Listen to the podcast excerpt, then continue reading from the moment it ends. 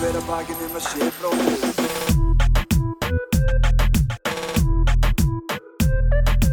Bera hver að bakinn um að sé bróður eigi.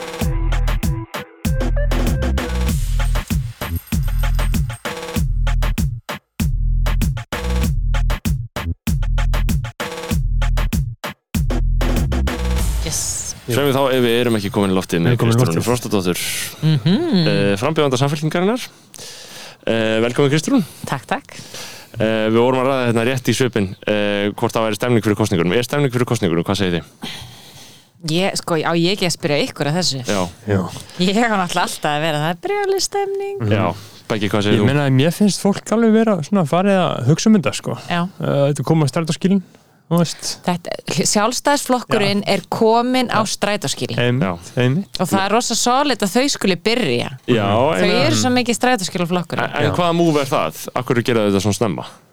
Ég veit það ekki, ég, ekki ég er endar, veit ekki hvernig okkar skildi kemur ég ætti kannski ekki að vera að segja að þú verður kannski komið þegar þetta verður byrt Já, það er þetta getur þetta verið Þetta er tekið upp þannig að það sé sagt uh, 5. daginn annan september og kemur vonandi út 17. september? Nei, Sko- 10. 10. 10. 10. Sko hafa, uh, hvernig er með bara svona auglýsingabudget og peninga hjá flokkum? Þú veist, er sjálfstæðisflokkur með meiri pening en samfélgin?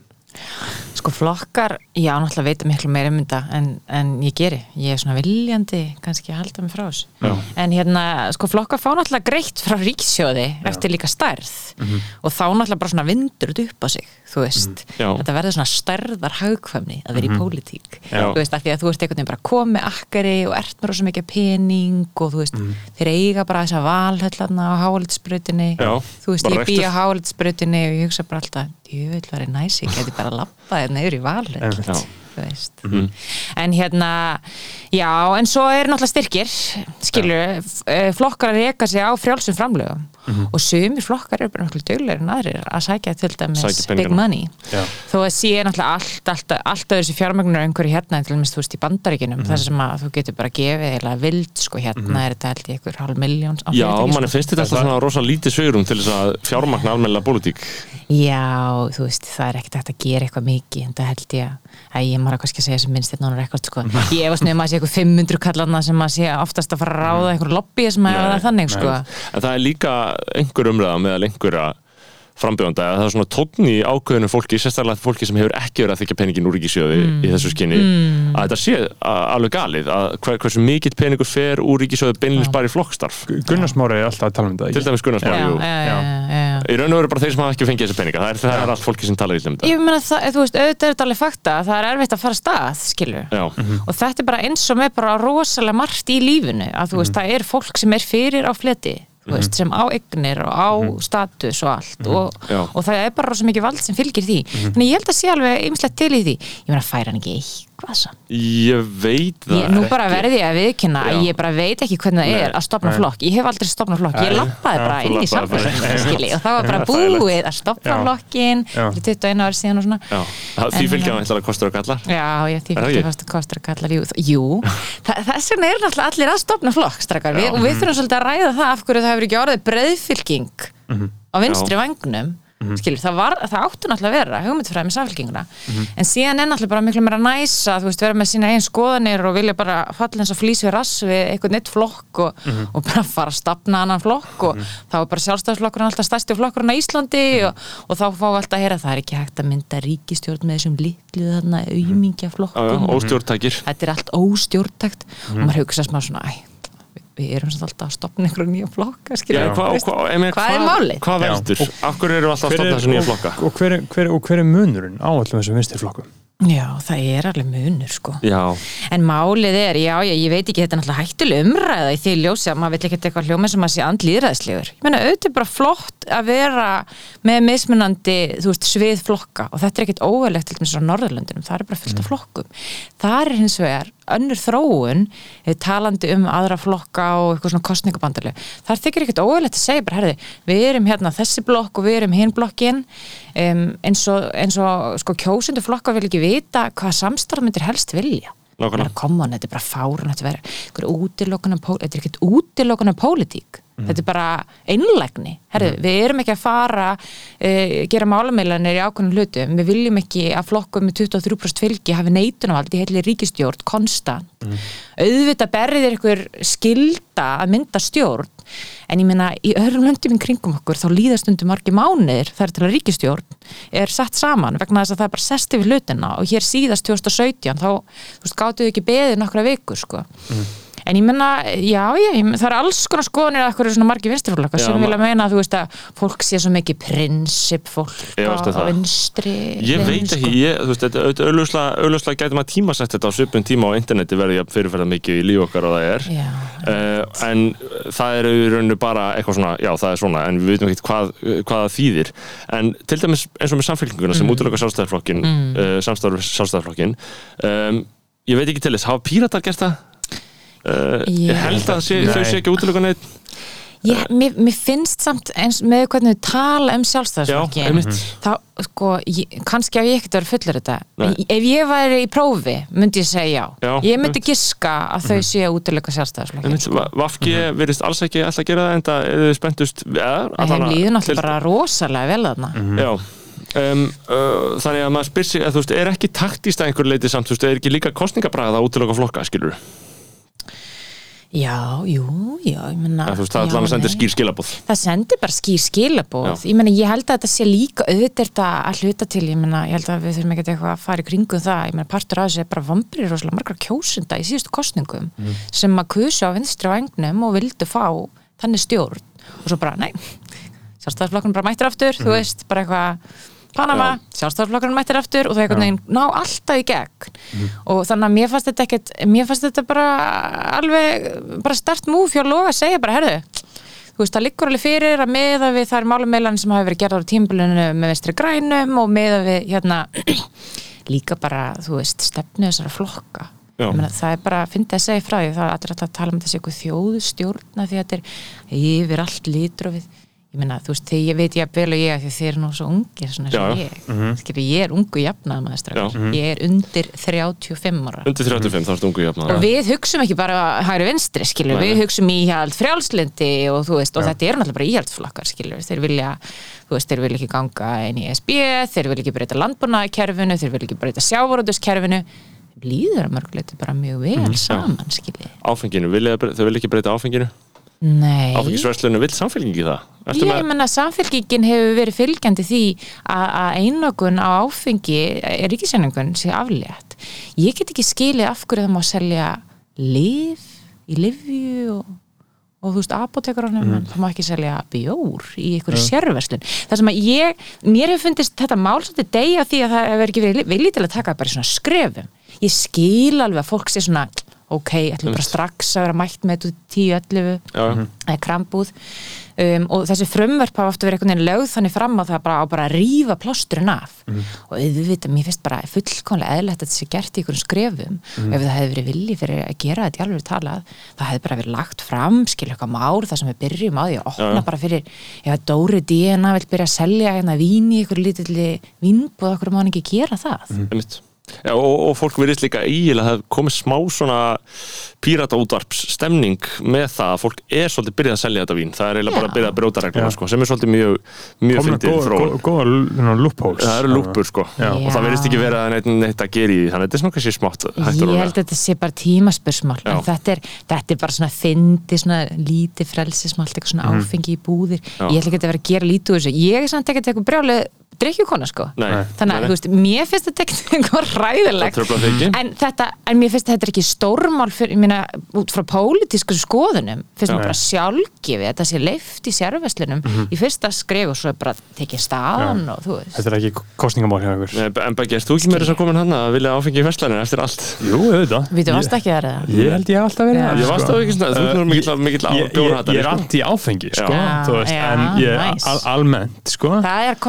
sko. Já. Já, Það er sko Já, Já, það er allir hættir að drekka, sko. Ég drekk sko eiginlega bara áfengislesan bjór. Já. Ég er nefnilega mikið, rosa mikið bjórkona. Mm. Um, en mér finnst bara gott að drekka svona, ég fer bara út í krónu og kaup mér 2% bjór Já, Já. það er allir fættir að gera það það er svona, það er þarna, þá fær maður í raun og veru alltaf besta en ekki að versta, sko Mhm. Ég veit það Já. Já. En ég meina og ef þú ert- ekki búin að vera að drekka langan tíma það færði líka alveg smá bössa 2% Já. Já, Já. svona einhverju ögn, sko Þegar þú ert svona lightweight eins og Já, ég, ég hvað veit. hefur það áhrif sko. En ég minna auðvitað, ég bara allir, ég vil lögulega allt þetta shit. Bara heroin og kokain og spýtt og Já. bara allt það, það er vantarlega af Ég því að þú veist, ég sé Kristján, hvernig hugsað þú það? Uh, Já, vá, stort spurt maður. Já, Ég meina, það er svo gott að vera með maður bara já, að takk hefja með fyrir, afstöðu í hverju skrifi, sko. Svo getur þú flett þessu upp hérna eftir fjóra Ég get alveg sagt ykkur það að það er ekki eitthvað forgangsmál hjá mér að lögleiða öll fíknefni á Nei. Íslandi. Nei. og ég ætla bara ekkert að fara neitt, að, hérna hvað ég segja, búa til eitthvað meira í kringu það en það er. Já. Ég meina, fyrsta skrefur er auðvitað bara afglapavæðingu neysluskanda. Já, Ég meina, af hverju kom, er það ekki komið í gegn? Þau komu því ekki í gegn, það var ekki Ég meina, hvað er málið? Hvernig er þetta, ég meina, neyslu skamta? Já. Það er bara verið að, þú veist, það er bara verið að taka fólk sem að býru fíkn, sko. Ég meina, þetta er náttúrulega bara heilsufarsvandi. Það, þetta er náttúrulega bara algjörlega fárlegt. Þannig þetta er bara svona með áfengi. Bara come on. Veist, við erum svo langt frá því. Við getum ekki eins og rætt um að afgleipa þetta, gleipa að veða neyslu skamta. Og þá ertu náttúrulega komin með eitthvað þróun, ok, reynslu af því, hvað gerist þá, skilur mingar þá mögulega um, umfang einhverju sölu eða einhverja glæpastar sem í kringuna, veit ég hvað ég meina? Nákvæmlega. Við, við komist aldrei á það stig einhvern veginn að ná einhverju testi á, ok, hvað gerist? En ég er samt stakar að sá þið The Wire. Já, Já. Ég elska The Wire, ég er búin að horfa nokksunni, sko. Og ég meina, senan þarna þegar þið lögleituð þarna eftir, Hamsterdam þú veist, já, Hamsterdam Já. þú veist, þetta er svona gott slæmt sko. Já, já. Þetta var ekkert þetta var ekki gaman að horfa á þetta þetta sko. Já, en maður hugsar auðvitað þú veist, þegar maður horfir á þetta þá maður bara djöfusins þið bara, þetta er Já. bara fáranlegt að það sé hægt að Mér finnst líka, þú veist, ég held að margir sakniðis til dæmis bara í íslensku stjórnmálum að það sé einhver svona aðeins flippari hugmyndavinni í gangi eins og þetta, sko, þú veist, að það gerist eitthvað skemmtilegt Já. einhvern tímann, sko um, Það er langt sem maður hefur séð það gerast Já. stöðuleika höfum við kannski en, Já. þú veist, það er stöðuleiki, það er efnaðslegur stöðuleiki En er það ekki líða? Er stöðuleiki? já, hvað segir hann það er fræðingur? náttúrulega ekki stöð ég meina, þú veist, ég held að það þurfi ekki að vera hagfræðingar til ykkur að það er ekki stöðuleika í hagkjörn, Nei. þetta er rosalega skrítið það er að koma út úr ykkur mega kreppu og svo bara eitthvað átján bara hækkun húsnæðisverðs þú veist, bara brjálar hækkanir á hlutabrifum Já, og hvað, einmitt, ég var að skoða, ég las bara frétt í morgunblæðinu fyrir skemmstu, það sem að verða að ræða þeim sem fasteignafélagin í íslensku, bara Eik, Reyin og Reyti, hvað, hvað voru, þessi stærstu félag og hlutabref í einu þeirra hafi hækkað um, bara frá því snemma á síðast ári um 100%, Já. uh, í öðru 60%, í öðru 70%, ánum þess að maður fengi séð hvað hefði svona sjáanlega gerst sem hefði átt að breyta þessu verðmæti eða verðmæta sköpunin verðmættasköpunin eða hvaða verðmæti væri að vera til.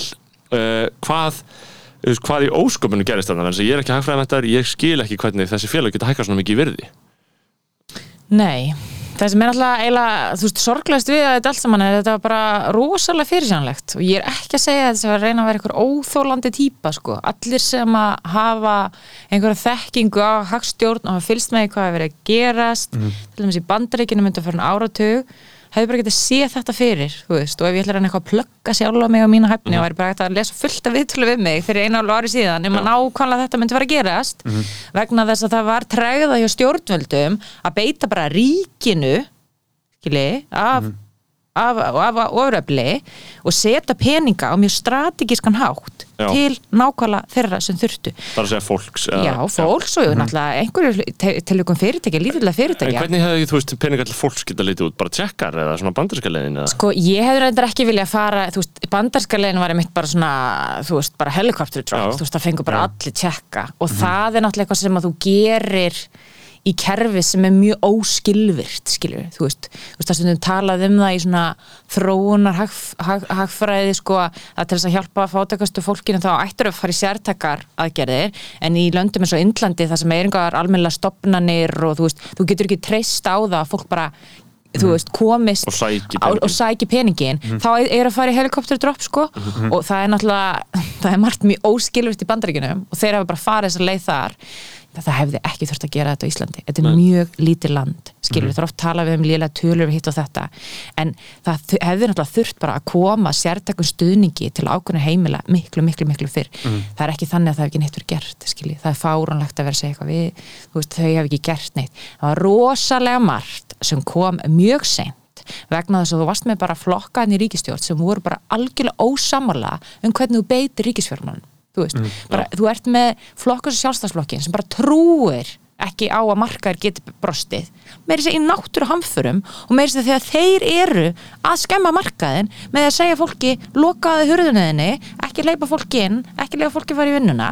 Já. Þú veist, samt að trægða til að láta fólk og fyrirtækja peninga. Og það, og það var rosalega mikil áherslu lögð á ég veit ekki hvað, hvað sem ekki fylgdust með þessu en, í, en síðasta vor sko fyrir árið síðan þá átti að láta bankana koma þessu fjármagni áfram. Og það var losað með hömlur hjá sæðlabankanum sem geraði að verkum að, að bankanir gáttu lánað meira út. Af því að hugmyndin var svo að það sá peningur að fara í svo góðar fjárfestingar og, allt þetta.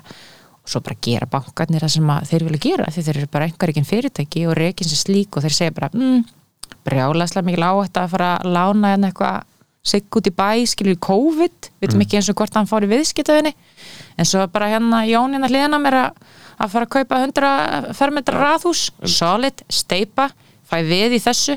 Svo er alls konar svona, þú veist það er þetta að fara út í dítil í það, þú veist, það er líka bara kvatar til þess að gera þetta.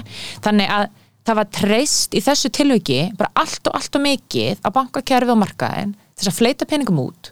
Og svo sögðu bara, já, svo bara lækku og lækkum vextina og þá bara, þú veist, fá fyrirtækin fjármagni á lánvextum en svo bara fenguðu engan pening. Nei, þannig að fólk fór bara að kaupa sér húsnæði. Fólk fór bara að kaupa sér húsnæði. Um, núna er búin að rýbranda þá þróun sem húsnæðistefnum stjórnvalda í fyrra. Að það hefur komið hér, þú veist, hrun skilur í efnarslífinu það hefur verið ákveðið að reyna að íta fjármagn út um allt með lágum vöxtum og það hefur komið fólkin á markaðin og maður hugsa bara, já, ok, þannig að veist að það er bara COVID til þess að auka fyrstu kaup. En þannig að, þú veist, þegar maður hugsa um uh, að því að, uh, þú veist, við, við stöndum í miðjum þessum tímum og við vorum bara hérna í heimsvaraldri og erum ennþá í heimsvaraldri og eitt eru náttúrulega aðgerðir stjórnvalda bara svona til þess að stemma stigu við faraldunum sjálfum og hitt eru þetta bara pólitísku aðgerðirnar og það sem við gerðum og það sem við gerum ennþá. Uh, það er auðvitað erfitt að fá einhverja fjarlæða á þetta en þú veist, þú veist þó að það væri ekki stjórnmálum myndur segja bara, þú veist, að við, ger, að við höfum bara gert margt rámt sko það var margt rétt gert. Já. og ég menna, þú veist, það er bara, maður verður að vera sangjart með það, en það var rosalega margt sem kom allt og seint. Og þú veist, hagstjórnarmál, efnasmál oft snúa að tímasetningu skilur, mm. það, eitthvað getur verið mjög rétt á einhverjum tíma, en svo líða nokkru mánuðir og þá er það bara farið og þá er það búið og ef þú setur það þá inn þá skemmur eitthvað meira, skilur og það er það sem að mér fannst svo frustrerandi í fyrra vor er allir sem að voru eitthvað inn í því til dæmis bara hvað önnur lönd voru að gera Mhm. þú veist, þegar ég satt og var að greina þetta í fyrra því ég var ennþá í vinnu minni í efnaðsgreiningu þá var maður bara að horfa okkur hvað Danmörk að gera hvað var Þískaland að gera. Maður var ekkert að, með eitthvað absúrt tillögur. Maður bara eitthvað, hér eru mjög stór ríki í kringum okkur sem eru bregðast svona við og þetta kemur ekki. Þannig, þú veist, stæstu hagstjórnarmeistökinu voru náttúrulega, var þessi tregða skilju, Já, já. að það var ekki hægt að fara af stað með neitt fyrir þegar Æslandi þú veist, var að fara á hausinn Já. og þá loksins var ákveð að fara í ykkur aðgerir fyrir litlu fyrirtækinu landinu sem bara svona surprise, surprise náðu líka til Æslandi er Mhm. skilur, og það þurfti bara eitthvað flugfélag sem bara leiðin okkar út úr landinu af þessu skeri Já. til að vera næstu í fara á hausinn til að gera eitthvað fyrir litlu rekstraralanda landi Þannig að, mm. vilt meina að það hafi kannski ekki alveg þórað að segja bara ætla að vera að hjálpa Æslandir að þið, það er træða við að gera slíkt og Já. hafi þess svona búið um þetta í þessum litla fyrirtækjapakka. Nei, sko í raunin, já, nákvæmlega og Já. þú veist, og þegar maður hefði einmitt fyrir eitthvað að segja bara, herðu, akkur er bara stiðuð ekki bara inn í Æslandir, akkur tókuð ekki bara þú veist, 30% hlut. smá hlut í honum?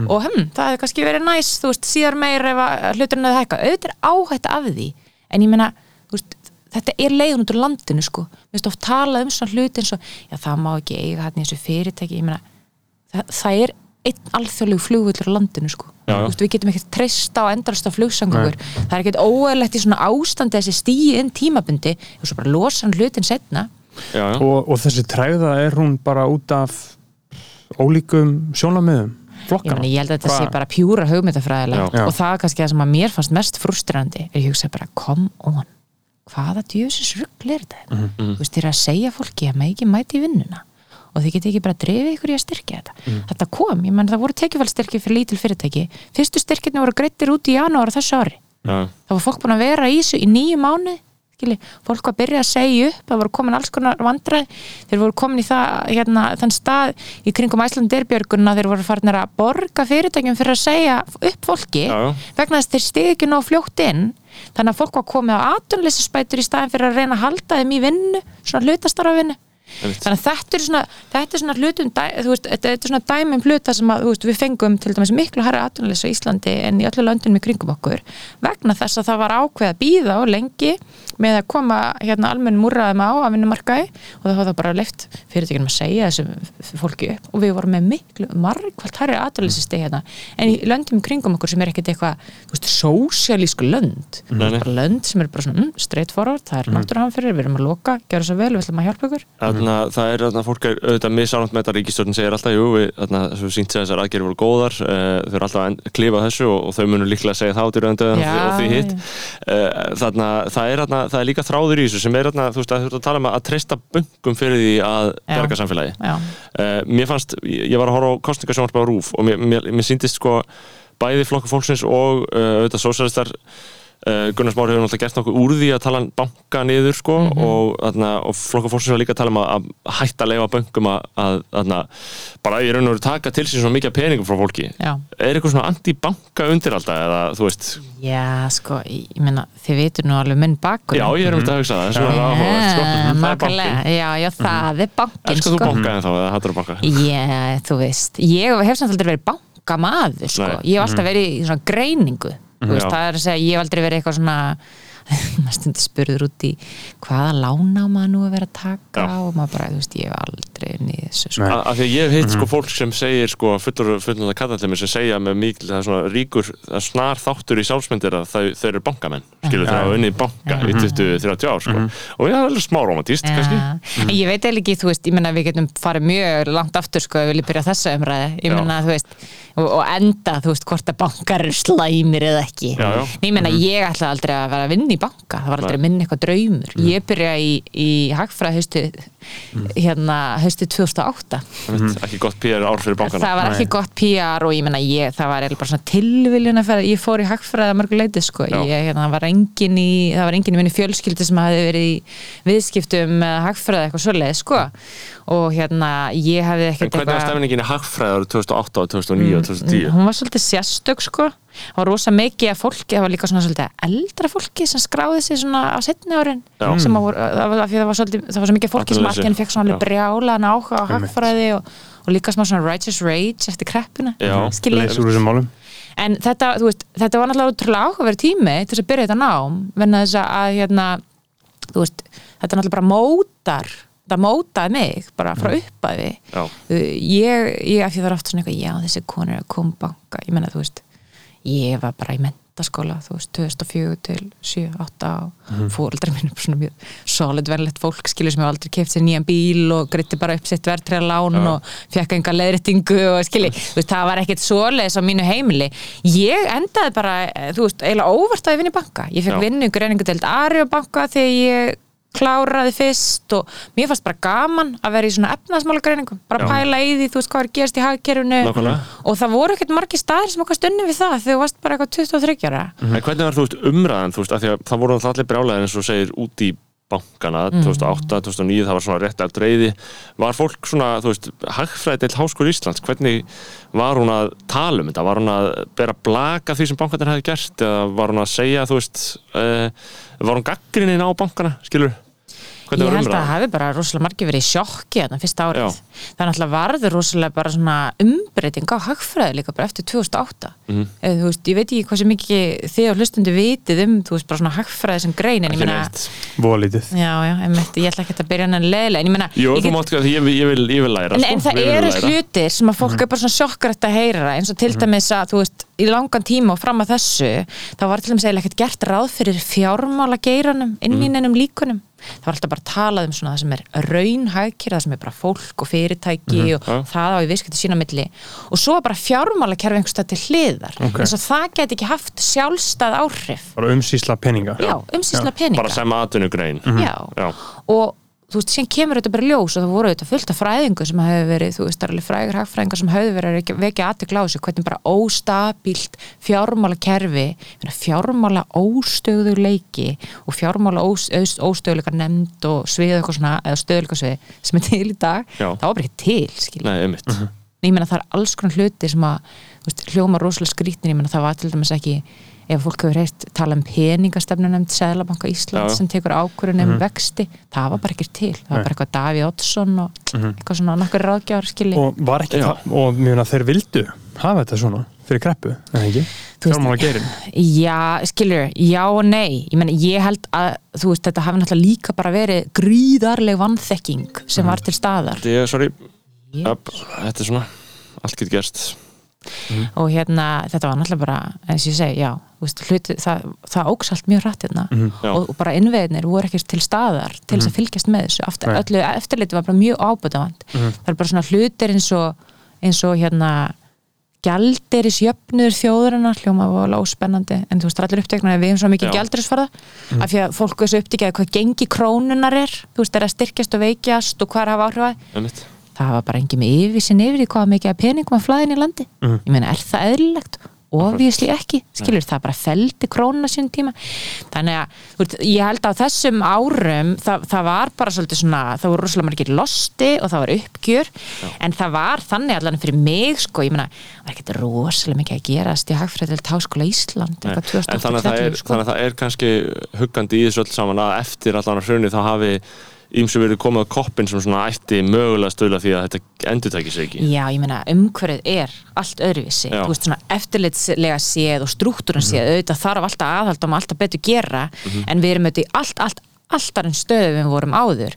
Síðan er hann að mál, þú veist hvað skoðun fólk hefur á hagfræðinu og hagfræðingum og, og hvernig það hefur þróast. Ég meina, það, ég til dæmis átti alltaf þessu upplifun að hagfræði sem fræðigrein og svona efnarsmálafræðum í náminn í bandaríkjunum en ég hafði hérna heima og ég man eftir því ég flutti heim og ég var bara vitni af efnaðsmál umræðinu heima og ég hugsaði bara vá, djúvill er þetta ógíslega súrt og leðilegt, þú veist, það er bara ennþá fast, föst í ykkurum svona 1980 reikanisma Já. þú veist, það sem er bara þú veist, bara svona einhvern veginn checks and balances og, og ríkisjóður þarf alltaf að vera ekki með afgangi og við hefum ekki efni á þessu og við skulum bara sleppa því að hérna, byggja vegi og bara borga upp þetta skuldabrif og svo bara alltaf rotna hérna hinum megin. Já, á meðan að þú veist, allt sem ég lærði úti var svona social investment. Þú veist, mikilvægi þess að skilja að skuldir eru víða í Já, já. og þú getur borga eitthvað upp í dag og vera ókslega upptíkin af því eins og bara þú veist þú færð hús frá fóreldriðinu skuldlaust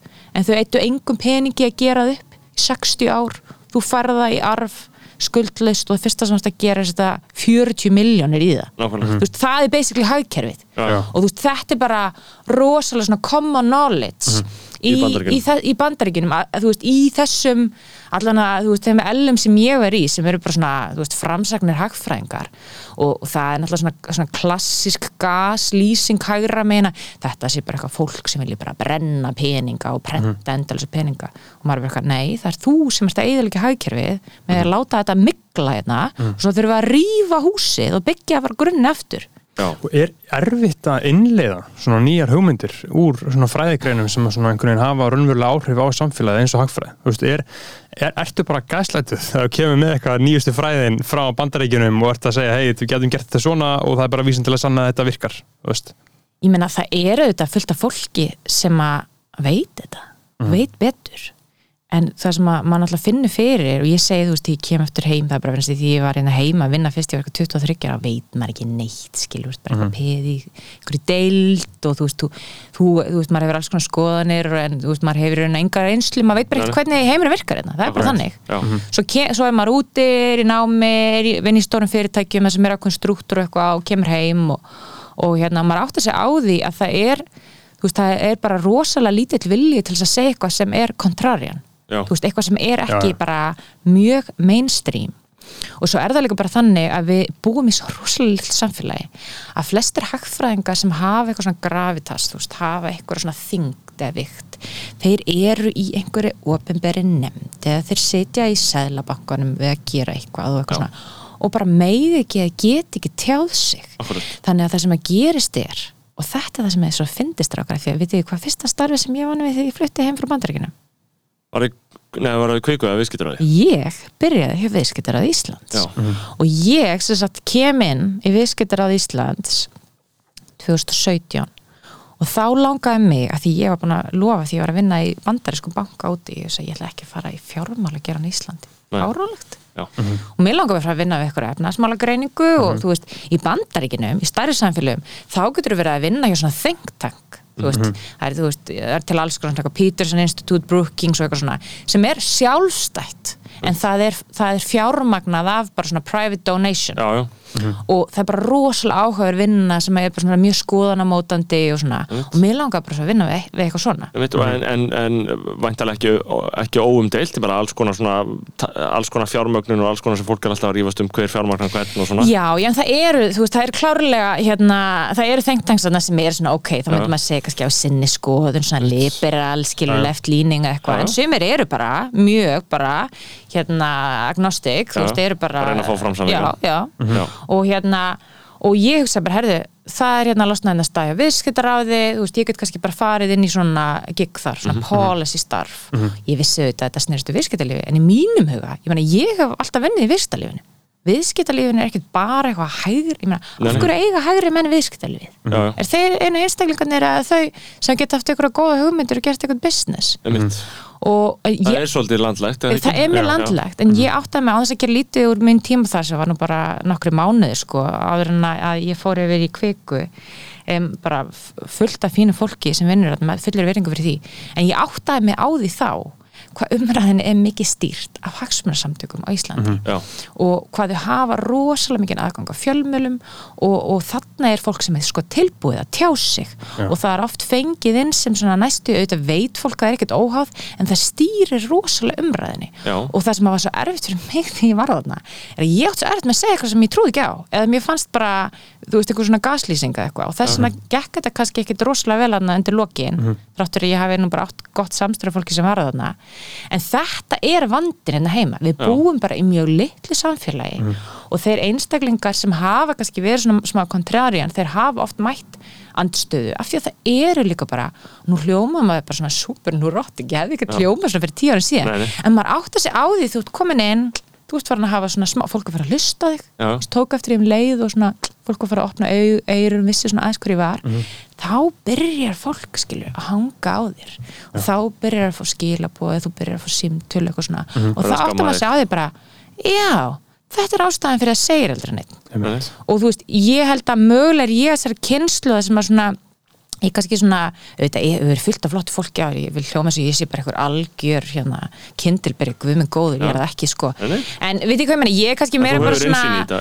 ég meina, þú veist, ég er ég er bara ekki tengd sko Nei. skilur, fóreldræð mínir bara, þetta er bara rosalega flott fólk en þau þekkja engan Já. sem að þú veist, Einmitt. hefur einhver alvöru milljörðum. hagsmunum nei, veit ég hvað ég menna og það gerir það bara að verkum ég hef alltaf bara verið mjög óhrætt eitthvað mm. þau eru ekkert eitthvað agressíft fólk í pólitíka eitthvað, en ég, þú veist, ég hef bara aldrei verið eitthvað hrætt um að fá ekki vinnu út af þessu og hinnu það er ekkert svona soft power að stjórna þér Nei, og svo líka bara, þú veist, ma ef maður hefur ákveðið bara svona confidence í sinni þekkingu og maður byrjar að gefa frá sig, það er rosalega erfitt nefnilega að setja stöðt onni ef þú ert að gefa alltaf ókslega gott efni frá þér. Já. Þú veist, af því þá byrjar fólk bara að vera eitthvað svona, hann að vera að reyna að gaslýsa hana en hún er bara, bara góðið sem hann er að gera, Já. skilji. Þannig að það, þú veist, partur af því verður það verður bara svolítið svona investment að reyna að bara koma öllu efni geðvögt vel frá sér, þá er bara rosalega erfitt að gaslýsa en þetta er ekki sjálfgefið í þeim skilningi ekki af því að ég sé eitthvað svo grand heldur bara, ég lendi kannski líka bara svona á þannig stað að ég fikk ákveð plattform.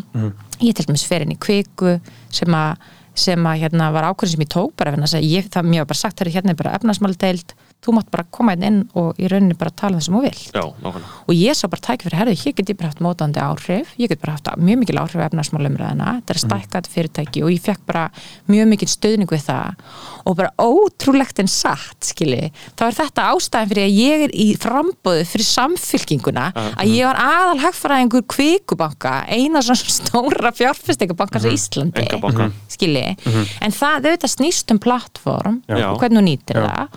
Og þú sért á tilbúin að stíga til hliðar þegar þú áttarið á því að þú veist, ok, ég nú er búin að ná ákveðinu fram. Já, langar mig að verða bankastjóri langar mig að vinna hérna í lög, nei, Nei. hvað get ég gert við þetta? Þetta, er, þetta vekur margar spurning, mér finnst svo áhugavert sem við erum að tala um, mér finnst mjög áhugavert að heyra þetta með líka til minnst þetta vinstri fólk og, og viðskiptalífið, það er svona umræðum að viðskiptafólk eigi að vera hægri. Mm. skilur eh, það er svolítið Og- átó. og það gerist og þessi, einhvern veginn, þessi þessir kraftar sem þú talar um að, að svona á, ákveðnum skoðunum og ákveðnir hegðun sé svona einhvern veginn ítt út af sviðinu Já.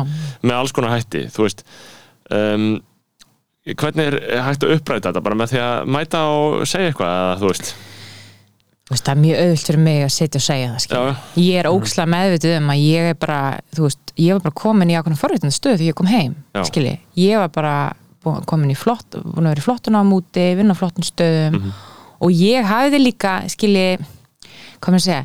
Ég var svona innherji, skilji. Já. ég hafði verið í Morgan Stanley svo eitthvað, eitthvað fólk sem finnst það voða flott sko sem maður vinnur í viðstarlífinu mm kem, þannig að fólk getur ekki sagt að ég sé það er skilji, ég er ekki svona einhver þú veist, einhver, vill, einhver lúni skilji, þú veist, þannig að ég þú veist, ég infiltrera þetta Já, já, og það er ekki eins og ég hef eitthvað svona viljandi verið eitthvað svona brjálaður vinstri maður að reyna að fara inn í fjármálagjara meni ég skildi bara aldrei af hverju af hverju má ég ekki vinna hér og gera áhugaverða vinnu uh, þessi, þessi afstæða að við viljum bara þessi hérna, mjög hægri sinnaðar einstaklingar fjármálageran er absúrt Já. skilji, ekki það að allir hægri sinnaðar einstaklingar séu eitthvað slæmi, guðmi góður. Nei, en ég meina það er bara mjög mikilvægt í fjármálakerfinu sem er bara stór undistaða efnæslífsins að það séu mismunandi skoðanir.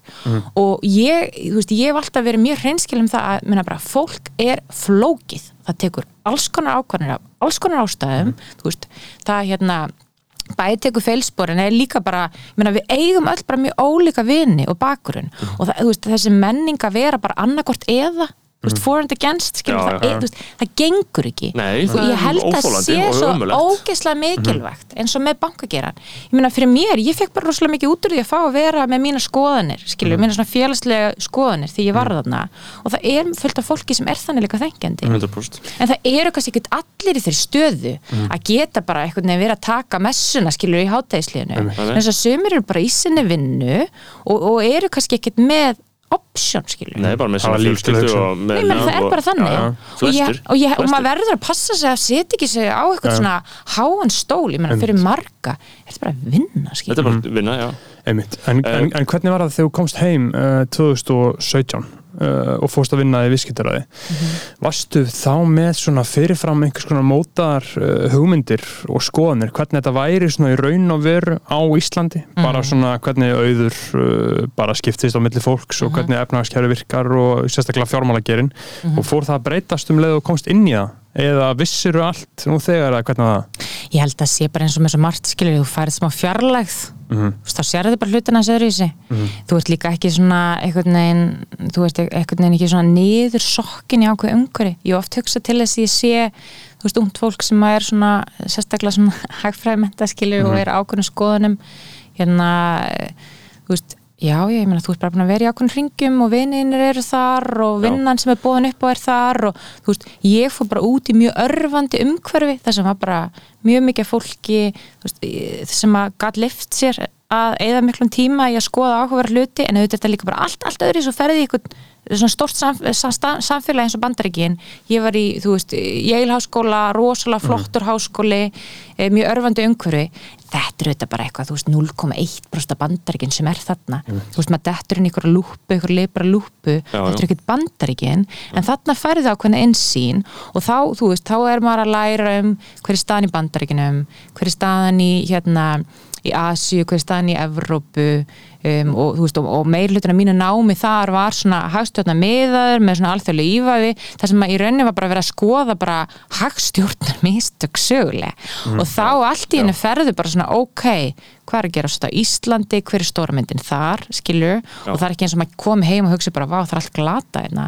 þú bara ert með annan orðaforða og þú ert með aðra heimsmynd. Og ég held að það sem skiptir svo miklu máli að sérti með fólk með fjölbreyttan bakgrunn. Fólk geti farið út, séð aðra hlið bara til þess að þú sért ekki svona ótrúlega fastur í einhverjum ring og einhverjum heim.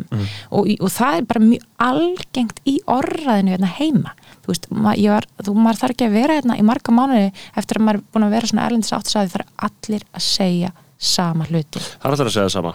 Og það er, það er engin að spurja augljósra spurninga og fólk, fólk er rosalega hrætt við að spurja bara spurninga, skilji. Af því að þú veist bara svona, akkur er þetta að gera þetta svona? Skilji, það eru allir einhvern veginn svona að lappa í kringum ákveðna hluti þannig að það veitir þau þetta líka bara ákveð sjálfströst skilju, að hafa verið í öru umhverju þar sem að, þú veist, þú varst með eitthvað þyngd og vikt og hlustaði á þig svo kemur hérna heim já. þannig að ég held að, hérna, þessin er ég bara svo rosalega hlindi að þú veist, fólk, ungt fólk fari út skilju, Já. óhæði hvort það sé eitthvað í hagfræði ekki, ekki. þú veist, þú þarft bara Ísland er bara eins og lítið þorp sko. Einmitt. Þú veist, við þurfum bara að fá smá þú veist, örfur annars það frá. Og það er líka svo mikilvægt fyrir sjálfströst fólk sko að hafa ekki bara alltaf þú veist, að, ég hvað sé, til þess að hafa bara unnið á okkur stað þar sem að þú þekkir ekki helmikina vinnustöðana því hann er, þú veist, tengdur í þér persónulega. Og bara þurfa að vera svolítið on your own sko, Já, díla við shit. Ég bara að díla við sitt bara ekki hægt að ringi mömmu. Já, ég held sem mjög það hefur bara ógislega mikil Já, já, áhrif, þetta er þessi mannesku Já. sko. um, og viðskiptaráð uh, það er náttúrulega það kemur lína frá þeim. Er þetta, mér finnst mjög áhugavert að heyra hvernig það er að vera aðalhagfræðingur viðskiptaráð, Þess, meina, er, er, er fólk að senda bara memo og segja að þú verður að segja svona sirka þetta, þetta er það sem við erum að pæla Já, hvernig, hvernig er svona consented manufacturer Já, ég var nú bara ekki nú held ég ná lengi en til þess að Nei. hafa ítalega yfir yfir það, þú veist, Nei. ég var í eitthvað sjóta mánuði, sko, Einmitt. áður en ég skipti um stöðu en það er eru þetta stjórn Já. það er stjórn sem hittist og, og það er ákveðna línur lagðar en ég menna, sko, frjálsar hendur hvað skrifar um. Einmitt. en við erum að, þú veist, ég get tekið svona dæmi eins og ég skrifa einhverja grein um landbúnaðin já, ég ætla ekki að nefna hverja var sem kvartaði skilur en það var kvartað. Af því að þú veist ég var eitthvað að tala um að það væri hérna, hér, óðurlegt hvernig styrkjakerfi var að fungura og vera að bera þetta saman við ykkur alþjóðlega hérna, svæði og, og þetta var bara mjög legit nálgun og hérna sérstaklega út frá viðskiptulegum fórsetum, það er náttúrulega sem er svo fyndi við þetta skilur Já. og þá og, og, þótti það ekki línu og svona um, þannig að jújú, jú, það er alveg fólk sem beitt sér, ég meina meirlutin af fyrirtækjunum sem eru aðilar vistræði er bara svona mjög normal fyrirtæki Já. og það sem er svo fyndistrákar er skilur, þetta er ótrúlega fáar háar rattir sem er eitthvað svona ó, ótrúlega agressívar í Já. þú veist, hérna svona free market það með ekki snerta neitt og gera neitt og eitthvað svona.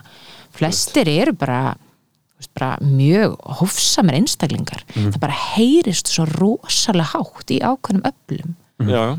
Það, bara, það, það hefur rosalega áhrif á umræðinu En ef maður horfir svona á sko, stjórnmálun uh, og, og, og samspilið á melli stjórnmálun og, og hagsmuna aðilana, þá svona, þú veist, maður sér, þú veist, uh, eitthvað svona gamla klippur að þegar Sigmundur Davíða fórstráður var bara, fó bara ekki pontu og raunaði yfir viðskiptaráð og bara ef það, ef það, var, það var oft bara eitthvað svona alveg svakaleg svona, þú veist, sjáanleg átök Já. ímyndaði mér, ég, ég náttúrulega fylgdist ekki með umræðinu svona nógu vel á þeim tíma en svona maður sér mjög lítið af svona átökum núna. Ég, þú veist, ég bara, það er bara fá dæmi þar sem ég man eftir að myndist eitthvað svona fjölmiðla tókstreita á milli þar að segja ríkistjórnarinnar og því sem hagsmunnaðalegnar er að byggjum og segja. Þú veist, bara það- mjög lýsandi fyrir núverandi hérna, það, stöðu. það er bara lýsandi fyrir núr Jú, ég man eftir einu dæmi þar sem að Guðlaugur Þór fór í fíl út í sjávarútuðina þegar þið voru eitthvað að, að poti hann veist, en þetta er alltaf svona einhver, þetta, þetta er mjög smáæðilegt Stöðuleiki það er bara ég meina, en það er ég meina, það held Möndu ég segja að þessi ríkistöld væri of höllundir að, að, að hagsmunnaöflin ég veit ekki hvað mér leiðist að segja hérna. ég held Já. að þessi mjög höll undir litlar breytingar Já. og hagsmunaöfl eru náttúrulega í mörgum tilveikum stýrst af fólk sem að vill óbreytt kerfi um, það eru þetta hagsmuna, ég meina hagsmuna samtök per se er ekki slæmt skilur, þú veist, þú, það er ekkit óæðilegt að vera að geit, gæta ákveðna hagsmuna, þú veist, og það er út um allt bara fyrir lítil fyrirtæki, fyrir stærri fyrirtæki þú veist, það er neytinda samtöku alltaf þetta er munurinn á hagsmuna samtöku fyrirtækja og svo til dæmis þess að verkalisreifingun er, þú veist, þau eru bara berjast fyrir launþega bara Já. mörg hundru þúsund manns versus eitthvað nokkuð fyrirtæki. Og það sem náttúrulega hefur áhrif á hagsmuna er að það eru bara nokkur mjög stór fyrirtæki sem og þau vilja náttúrulega óbreytt kerfi og, að þú og, veist og það mætti segja að hagsmunum þeirra fara gegn hagsmunum þjóðarnar Ég meina það fer allavega, þú veist, það fer klárlega gegn hagsmunum smæri fyrirtæki til dæmis sem Já. vilja aukna samkefni. Ég meina þið sjáu bara stöðuna til dæmis varðandi, þú veist, Evrópusambandsumræði. Veist, það er bara, má einsinni ræða þetta, má, hvað rugl er þetta? Það er bara fullt af fólki sem vill ræða þetta. Það Já. er enginn að tala um við förum bara eitthvað í þjóðaratkvæði á morgun, Nei. heldur bara getum við bara átt eðlilegt uppbyggilegt svona non-toxic umræðu um Evrópusambandi skilji, Já. við erum í EES við erum bara að fá þvílík fríðindi að við verum í þessum, í þessum sambandi. Það eina sem heyrist í umræðinu með Evrópusambandin er eitthvað svona að þú veist, eitthvað svona, eh, svona álíka hérna greinar og Boris Johnson var alltaf að skrifa sínum tíma í Telegraph um Evrópusambandi um eitthvað eitthvað að það mætti ekki, þú veist, vera með svona svona skingu einhver starf og maður er bara eitthvað Já, og maður er bara eitthvað, ert ekki að grínast? Bara hvað ert að borga henni fyrir símtölum þjónusta, allt þetta, skilur, það er fullt af hlutum í daglegu lífu okkar sem enginn talar um, skilur, og það er ekki tilbúið að tala um uppbyggilega um að skrifa, stíga skrefi til fulls, vegna þess að það eru mjög fá fyrirtæki í landinu og einstaklingar sem hafa bara hei, rosalega mikla hagsmuni af því að fá ekki aukna samkeppni inn á innlendan markað. Og nú ætla ég ekki að segja að það sé allt frábært við Evropasambandsengöngu en þetta er bara einn ángi af því skilji, en, en sko þetta er svo, þetta er svo stórt samband og eitthvað svo skrítið samband og maður skilur ekki hvað er að gerast þarna. Hvað, þú veist, þarna viljum við gangi í Európa-sambandi, eða þú veist, hvað er Európa-sambandi, hvað myndi að, hver myndi að breyta á Íslandi, mér finnst það svo, þú veist, að því að og öðrum það eru örgulega að því að þessi umræði hefur ekki verið tekin, þá bara þekkjum maður ekki hvað í fjandana Ná, myndi hafa í för með sér, sko. ég veit ekki um ég þetta meina þetta er það eina sem ég bið um Já. er að við getum átt þetta samtal Ef við á spyrir þessum eðlert fólk hvort það sé með eða móti Európa-sambandi, þá segir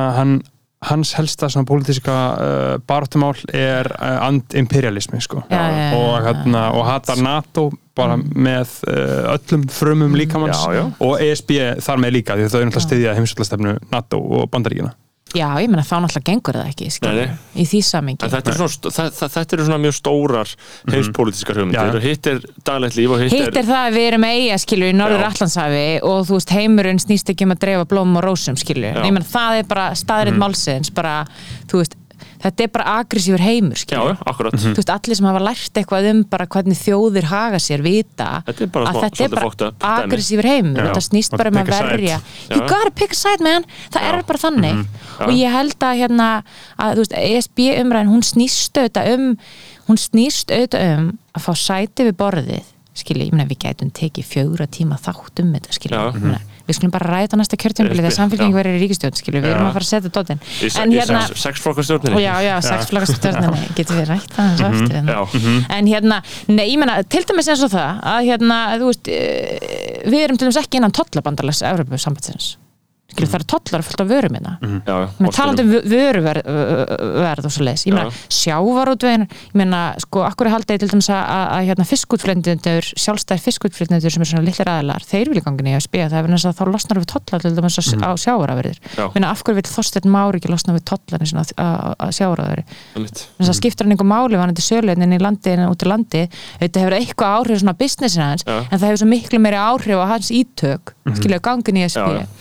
það eru veist, það var þetta að vera með langa lista. Það eru auðvitað hliðar áhrif á því að vera og, og þú getur alveg klárlega nefnt neikvæð áhrif. En ég held að verðum bara líka að hafa í huga að sko við erum alltaf að reyna að ná upp af því að nú finnst Bjarnar að að tala um framleiðni skilji, Mhm. Jú. á spítalanum Já, já. og svona bara í lífinu Framleiðnin þetta er svona keyword þetta er sem svona enginn skilur almennilega Nei. svona og þú veist, sýnir rosa mikið svona Já. og þyngd þú veist með en, en það, en það þú er enginn að spurja nákvæmlega hvað Já. það þýðir af því þetta er eitthvað sem að maður svona gerir ráð fyrir og þeir að vita sko. Já, og þú veist, þið viti eiginlega að þetta þýðir skilur hversu mikið við getum framleitt á klukkustund en þú ert samt meira bara svona byrja á það við spítalan Já. Hvernig virkar það alveg við spítalan um, en ég ætla að segja það, já. skilji.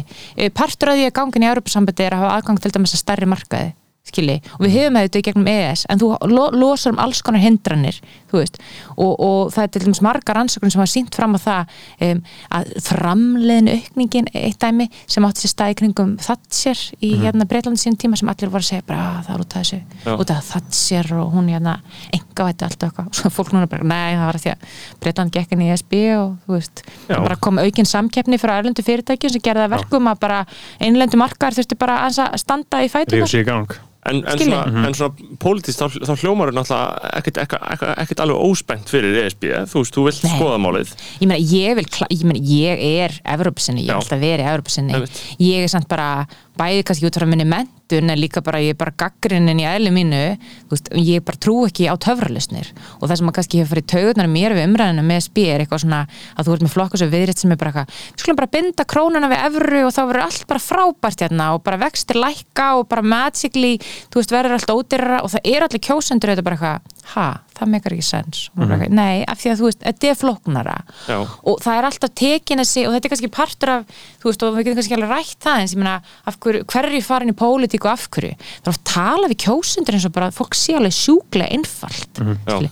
þau bara Kristó, hún verður að tala í, þú veist, einföldum setningum, þú veist, aðeins og langorð skilur, svo bara eitthvað, nei, það var samt alveg fullt af fólki að lusta hérna eitthvað að þryggja þeim podcastum með fyrir í vor, fólk vill umræði, Já. skilur fólk fólk vill bara taka samtalið og við þurfum að vera með meira fólk í stjórnmálum sem vill taka samtalið og hefur þekkingu til þess að taka Einmitt. ég meina þið viljið bara ekki eitthvað gúnda þing sem segir bara eitthvað setningu sem einhver þú veist, Pírgur sagði um að segja þrísasunum Já. svo mætir hann og er bara eitthvað komin í fjárlækjarna og bara skilur ekki neitt hvernig neitt virkar. Nei, það er sko, það er nefnilega það var eitthvað hvart undan á Twitter um daginn með þess að sjálfstæðismæður, hann var að segja bara ég kýst hann, eða svona eitthvað, hann saknaði þess til þessum sjálfstæðismönnum og ég saknaði þess og, og hjá mjög mörgum öðrum flokkum eh, að fólk talaði í fjölmjölum án þess að vera búin að tala við það. Þú veist, það er bara einhver Já. lína hjá allir stjórnmálaflokkum og það er einhvern veginn, maður veit ekki hvað fólki finnst lengur sko, Nei, ég veit það, þú mátt bara einhvern veginn ekki vera þú sjálfur nei, þrátt fyrir að, þú veist, ástæðan fyrir því allan ástæðan fyrir að ég fyrir pólitík er að því ég hef skoðanir, skilji. Já. þú veist, svo, það er svo, svo fyndi og tekur svo ákvörn þá alltaf eitthvað, já, ég bjóst nú við meira þér sem hagfræðingi að vera að segja eitthvað svona, fyrir núna allt sem ég segi pólitíst, já. maður er bara eitthvað lífið er goddamn pólitíst, hvað meinar, skilju, þú veist, Mhm. bara vil brennum öll fyrir eitthvað veist, ég er í þessu, þess að ég hef skoðanir. Ég lítið með að segja það sem ég finnst. Auðvitað er ykkur svona þú veist, staði sem að samkomulag, veikomi en þarna komum við að breyðfylkingunni skilju, já. þú veist, á, mér, mér langar að vera í flokki, þar sem ég get verið ósámála einhverjum með um eitthvað ákveð atriði og það, mér er ekki sparka út úr flokknum eða er að stopna nýjan flokk. Ég meina, þú veist, í hvers konar vin og hópi fjölskyldum eru þið, það sem eitthvað líka við eitthvað það sex flokkastjórn. Og, hvern, og hvernig sér þetta fyrir þér? Ég meina, uh, ef kostingarna gangu vel. Já, uh, Ríkistjórn, þú fjármála ráðara, já, ég meina það væri stemming. Var Það var- ég menna, hvað, hvað, hvað er það fyrst sem þú myndir gera? hvað er það fyrsta sem ég myndi gera? Já, Ég menna, fyrsta sem ég þarf náttúrulega að gera þegar ég verð fjármálar já, er að leggja frá nýja fjárlög. Já, Já. Og þú veist, það þarf að leggja frá nýja fjármálállun og það þarf að breyta áallan ríkistjóðanir um að skera niður um 100 miljardar en næsta kjörtjumbili Já. vegna þess að það er verið að fara í einhverja algjöra hagstjórnar þvælu í að reyna að vinda okkur út úr náttúra hamfara tímbili, þú veist, nokkrum árum fyrr og ætla þá að fara í að skera niður í velferðarkerran um 100 miljardar ég líst ekki á það ég meina, mér líst ekki á það ég meina, þannig að þú veist, það þarf bara að taka í gegn Mm. hvernig ákvarðanir eru teknar í grunninn mm. ég meina, það er margt, margt gott sem er þetta á sér stað í fjármálaðinu en það sést bara að það er mjög litað af pólitísku skoðunum þess aðalega sem situr þar Mm. og ég held að skipti bara rosalega miklu máli á næsta kjörtímabili af því að við erum að koma og af svona veikum grunni að við séum ekki með eitthvað svona brjálar krettur um að það með ekki fara til dæmis bara í alvöru fjárfestingar í svona risa málaflokkum eins og veist, lofslagsmálin ég meina ég hef til dæmis alveg rosalega mikla rákir af, af hérna, stöðu ungs fólks á Íslandi. Um, ég meina, ungt fólk er ástæði fyrir að ég fór í pólitík sko. Þú veist, ég, hérna, ég var eiginlega dregin inn samfélkinguna ungum jafnaðamönnum Já, verðna þess að þar er að verða alveg svona, það, það er að verða bara svona endurist einhvern veginn á ungum, stoltum jafnaðmönnum sem vilja bara st stóran sósjaldemokratiska flokk eins og á Norðurlöndunum. Já. og ég var svo inspired ég átti samtalið við þetta fólk af því að þetta verður alltaf verið mín pólitík. En það er einhvern veginn vanta þessa gerjun. Ja, Og þú- stemningu. það var bara eitthvað svona stemningu svona segurvera stemningu um að þú veist, við erum bara með bestu hugmyndirnar og komandi frá veist, stöðuna sem ég var í bandaríkinu það var ekki eitthvað bestu hugmyndirnar með Trump skilju, en, en ég var náttúrulega hérna í kringum sko, fólk í demokrataflokknum og, og þar er þetta kannski auðveldra það er stóðan hvort bara eitthvað republikan eða demokrati og rosalega svona breytt svið innan demokratuna en þar voru allir mitt að tala um bara þú veist svona active state og bara ný leið til þess að horfa á að ríki með taka frumkvæði með enga geirunum og, og hugsa svolítið öðru sem hlutina. Og mér fannst svo gaman að hitta þetta unga fólk hérna heima sem að var einhvern veginn þú veist, byrja að pæla í þessum hlutum átti þess ekki á því að hverju varum ekki að tala svona um heiminn og öfnarsmálstjórn og þetta var ástæðan fyrir ég stegið þetta skref en þess að við erum að sjá bara ákveðin merki núna á síðslega árum á stöðu ungs fólks ekki bara út af lofslagsmálum, heldur líka bara út af húsnæðsmarkaði þú veist, tekjur ungs fólks eru búin að vaksa miklu hægar en eldra. ég meina það er, mér finnst rosalega leiðilt að taka samtali inn í þetta en það er bara eiga sér stað bara svona kynnslögliðnun Já. það sem að ungt fólk það er bara farið að hafa miklu, miklu meiri áhrif á því bara hverra manna þú ert. Og það er alltaf verið að tala um tekjujöfnu á Íslandi þegar það vita allir að tveir einstaklingar sem eru báðið með 600 kall á mánu ef annar fekk hjálp við að komast inn á fastegnamarkaðin og hinn er á legumarkaði að þeir eru bara í allt öðru í þessi heimi skilji, þannig að þarna kom einhvern veginn, það er bara komið fólk Já. sem að skilur að þessi Þetta er ekki tekjujöfnuður, staðar. Nei, þetta er bara, þetta er bara svo algjör gaslýsing Já. á veruleika Já. fólks. Já. og það vita það allir, Já, veistu hvað ekki það, finn það, það veit allir, Þú- einhver kaupir íbúð 22, bara ok, atna, hvort lendir í slisi áttur ríka fóreldra ég veit það, það ég veit það, fjöxtu aftan í keistlu dast, á liftar eða eitthvað skilur 100%, 100% þannig, alltaf. Ég meina þetta er hræðilegt að segja þetta upp átt en ég meina ég þekk bara persónulega bara fjóra aðila sem fengur bótagreðslu og komist inn á fasteignamarkaðinn. Já, ég meina þetta er gali en pælið hvað þetta er skrítið að ykkar veruleiki sem þið uppliði sé ekki, þú veist, það er ekki talað um hann eins og hann er. Nei. það vita þetta allir þú veist, en það er einhvern veginn þorir enginn að segja þetta. Og, og, og finnst þér að umræðan sé, að sé reynd að færa hana bara yfir í tekjujöfnuður umræðina það er náttúrulega rosalega mikið gert en Já. ég var náttúrulega mjög mótuð af því að, að umræðum egna ójöfnu er mjög mikil í bandaríkjunum. Já. hún hefur verið, hefur verið hræðileg þróun þar. Já. og þó ég ætli alls ekkert að fara að vera með einhverju yfirlýsingur um að sé allt ómöld að Íslandi ég meina það, ég meina það er allt enn stöða hérna í bandaríkjunum. En það sem að þú áttar þig samt á hafandi þú veist lesa allt, allt um þetta er að það koma svona, þú veist, svona tipping points í sögunni, skiljur mm. það sem að verður erfitt að vinda ofan af hlutunum og það sem er að gerast til dæmis núna er meðal annars út af aldursamsetningu þjóðar. Þú veist, við erum að eldast þannig að eldri kynsluður hlutfalslega vikta þingar en yngri kynsluður þau kjósa frekar þú veist, mæta, þau kjósa frekar íhjaldið, þau eru frekar með svona konvensjónala skoðunir, þau eru eigna meiri, þú veist. Þannig að það er, það er bara svona Já. það, það bæjas í kerfinu sem að heldur aftur á ákveðnum breytingum. Og þegar þú ert komin á þann stað þú ert komin með x mikinn egnajöfnuð það er bara rosalega erfitt að kjósa í gegn breytingar á því Já. og það er Já. það sem við erum að reyna að vekja aðtikla á, mm -hmm. bæði í samfélkingunni en sérstaklega, þú veist, í, bara starfum með ungu jafnaðamennum, ungu fólki Já. er að fólk átti sig á því að við, við eigum ekki að býja þar til þetta er komin á mjög slæma stað, sko veist, við þurfum að grípa inn í núna ungt fólk, það er að taka afstöð það þarf að kjósa, flokka sem vilja þú veist, nútímavæði skattkerfi þannig að við byrjum að leiðrétta þessa mynd. Þannig að annars bara vöknum við eftir 10-15 ár í heimi þar sem að fólk er bara að byrja einhvern veginn að gliðna saman gliðna í sundur Já. og það er ómögulegt að kjósa þetta í burtu. Já, já. þannig að það er stór partur af þú veist svona kostninga lofurinn með stefnunum okkar núna eh, er mótuð af, af, af bara ungu fólki samfélkingunni, ég meina ég er 33 ára, ég er 80 Reykjavík söður Jóhann Páll, hvað er hann ekki, fjórum-fimm árum yngri en ég? Hann er í öðru sæti í Reykjavík Norður. Við erum með Ingu Björk sem er í þriða sæti í Kraganum. Ég meina þetta er bara, þetta er bara ungt fólk mjög ofarlega á sætum að það sem er að hafa mikil áhrif á kostningastefnuna Einmitt. og, og hérna, þannig að mér er bara rosalega mikið í mun að, að hérna, ungt fólk taki mjög meðvitað afstöð í svona kostningum og ég hef rætt við mjög marga á mínu reiki af því að nú er ég svo ung. Já, já. og yngri, skilji, sem eru bara svona svolítið seninga láta allt saman, skilji finnst Já, að Það svolítið ekki máli hvað ég kýs og eitthvað. Og það er bara ekki rétt skilji, þú verður að fara að kjósa þú veist, því gamli maðurinn kýs.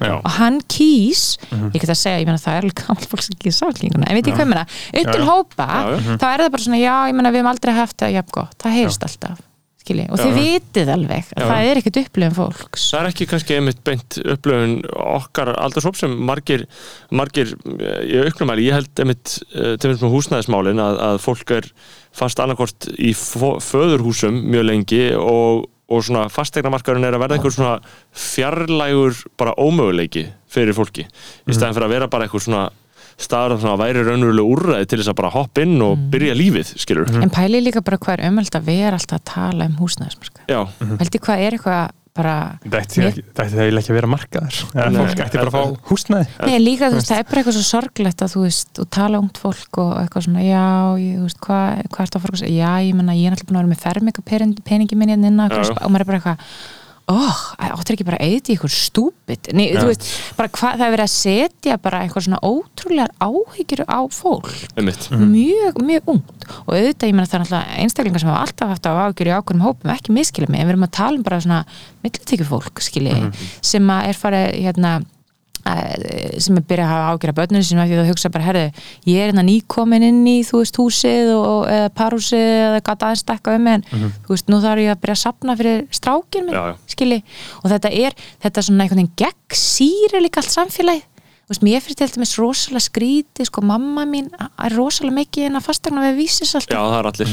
Hún er ekkert að leita, sko. Nei, nei, þetta er bara svona eitthvað hobby. Já, Og það er mikið fréttinum líka. Já, ég meina, þetta er náttúrulega ekki hvað mein, þetta er bara heimili Einmitt, fólks þetta er bara mm. hættið þessu. Já, uh, ég, einmitt, ég held að það væri mjög gaman ef við getum bara verið að ræða eitthvað annað en húsnæðismál og fólk ræðir þetta líka mikið á bara förnum vegi og það er bara Já, mjög mikið verið bara fólk er bara með þetta á heilan Já, þetta veldur bara streitu já, og ég meina auðvitað að vera skinsamur og fara að vera með pening og alltaf ég ætla ekki að vera að segja eitthvað að fólk hefur bara spreða öllu ekki að spara og eitthvað. Nei, nei.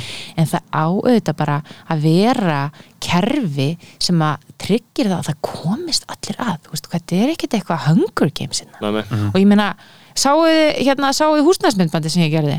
Uh, ég sá brotaði já, það er fimm mínútu, það er hvað- strákanir í PR-teiminu sagði mér það með Já. enginn en að horfa á og, PR hva, og, fimm hva, og hvað varst að segja þar? Nei, meina, þar erum við bara að fara yfir hvernig húsnæðsmarkarum virkar Já. og ég held að sé rosalega fáur sem átti sig á veist, hvað hefur verðmyndandi áhrif á markaðin til dæmis Já, hvað er það? Þetta hefur breyst rosalega á síðustu árum þetta hefur breyst sko Er og það út að gamma?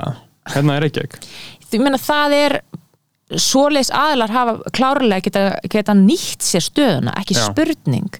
En, en þú veist, ef ég fer í bara veist, á 30 sekundum ef það sem er í þessu 5 minúta myndband og allir ætti að færa á Facebook síðan mín og kynna sér. Já, um, er að þú veist, það var eins og þannig að, að hérna, ríkið uh, sendi húsnæðismarkanum með því að veita fjármagni til að byggja húsnæði. Þannig að þú veist, það var hægt að fá lán beint og óbeint í gegnum hinar þessar stopnarni skilur, til að byggja nýtt húsnæði. Já, svo og, og, og, og beint byggði líka félagslegar íbúði sem er orðið eitthvað svona þú veist, eitthvað svona skammar eru þið á Íslandi.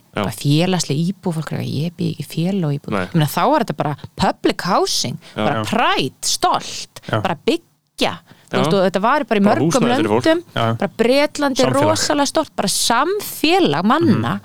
Og hérna og þá var, var lögð mikil áslag félagslega kerfið. Og svo var tekil ákvörðun um það á sín tíma í Ríkistjótt framsóknar og sjálfstæðsflokks að fyrirmynd Margaret Thatcher í Breitlandi sem að, í rauninni sko engavætti félagslega húsnæðiskerfi. Það var ákveðið að byrja að selja af sér allar félagslegar íbúðir um, og, og, og bjóða fólkinu sem bjóðu í íbúðunum til þess að kaupa. Af því þú, þú veist, þú varst ekki maður með mönnum nema þú áttur húsnæði. Þetta er Já. 80s, já. Já, að, sko, þetta var í eitis í, í, í, í, í Breitlandi en í Ísland, skilur, við erum alltaf við erum alltaf svona nokkrum 15 árum áratugum eftir, já. Skilur þetta var gert, þú veist, 1998 Já, og, og hérna og þetta er svona sami grunnur og, og þú veist, það er svona frækt kvot eftir touchera, skilur ef þú ert 25 ára og kallmaður ennþá í stræt og það hefur eitthvað að fara úrskeið síðan Einmitt. eitthvað svona þú veist, við því hvað ég menna, þetta er bara svona eitthvað ótrúlega fáralegt mindset sem drýfur þetta áfram. En þú veist, löngsaga stutt. Þetta gera verkum að það er verið að í þrýsta öllum ég fara sem fyrst inn, inn þú veist, í eignamyndun og bara kaupa og skuldsetja. Og ríki byrjar að niðurgriða lán til fólks í gegnum íbúðalánsjóð sem er ekki lengur eiginlega til í nætti mynd sko, um, til þess að fólk geti keft sér Í staðinn Og- fyrir að leia og í staðin fyrir að, að ríki væri að beita sér fyrir byggingum. Þannig að það fór bara allt fjármagn í bara að kaupa og lána. Svo komu bankarnir líka þann marka og allt í hennu, þú veist, 2005 í svona klæmaks verðþækana fyrir hrun þá ertu bara með öfla markanum sem er að lána til að kaupa skilju, Já. þú veist, þú ert með auðvitað lán til fastegnafjölu og allt það til þess að byggja, en það er bara með fastegnir að það er markasbrestur sem er til staðar sem felst í því að það er alltaf hábra fólki sem hefur bara ekki efni á því að komast inn á markaðin og það þarf að byggja sérstaklega fyrir hennan hóp og ekki eitthvað svona fél og ömulega íbúðir heldur bara, það þarf bara að byggja hagkvæmt húsnæði sem er bara virðulegt flott að búa í og fólk getur farið inn á, búið við örgarlegu svo það sé ekki komið í einhverja baráttu við ungt fólk um einhverja 65 metra kitur á njálskautinni og það séu allir bara að berjast með eitthvað landsfjármagni og það, það er búið að selja fólki þá hugmynd að félagslega kerfi sé eitthvað sem er bara fyrir eitthvað svona outsider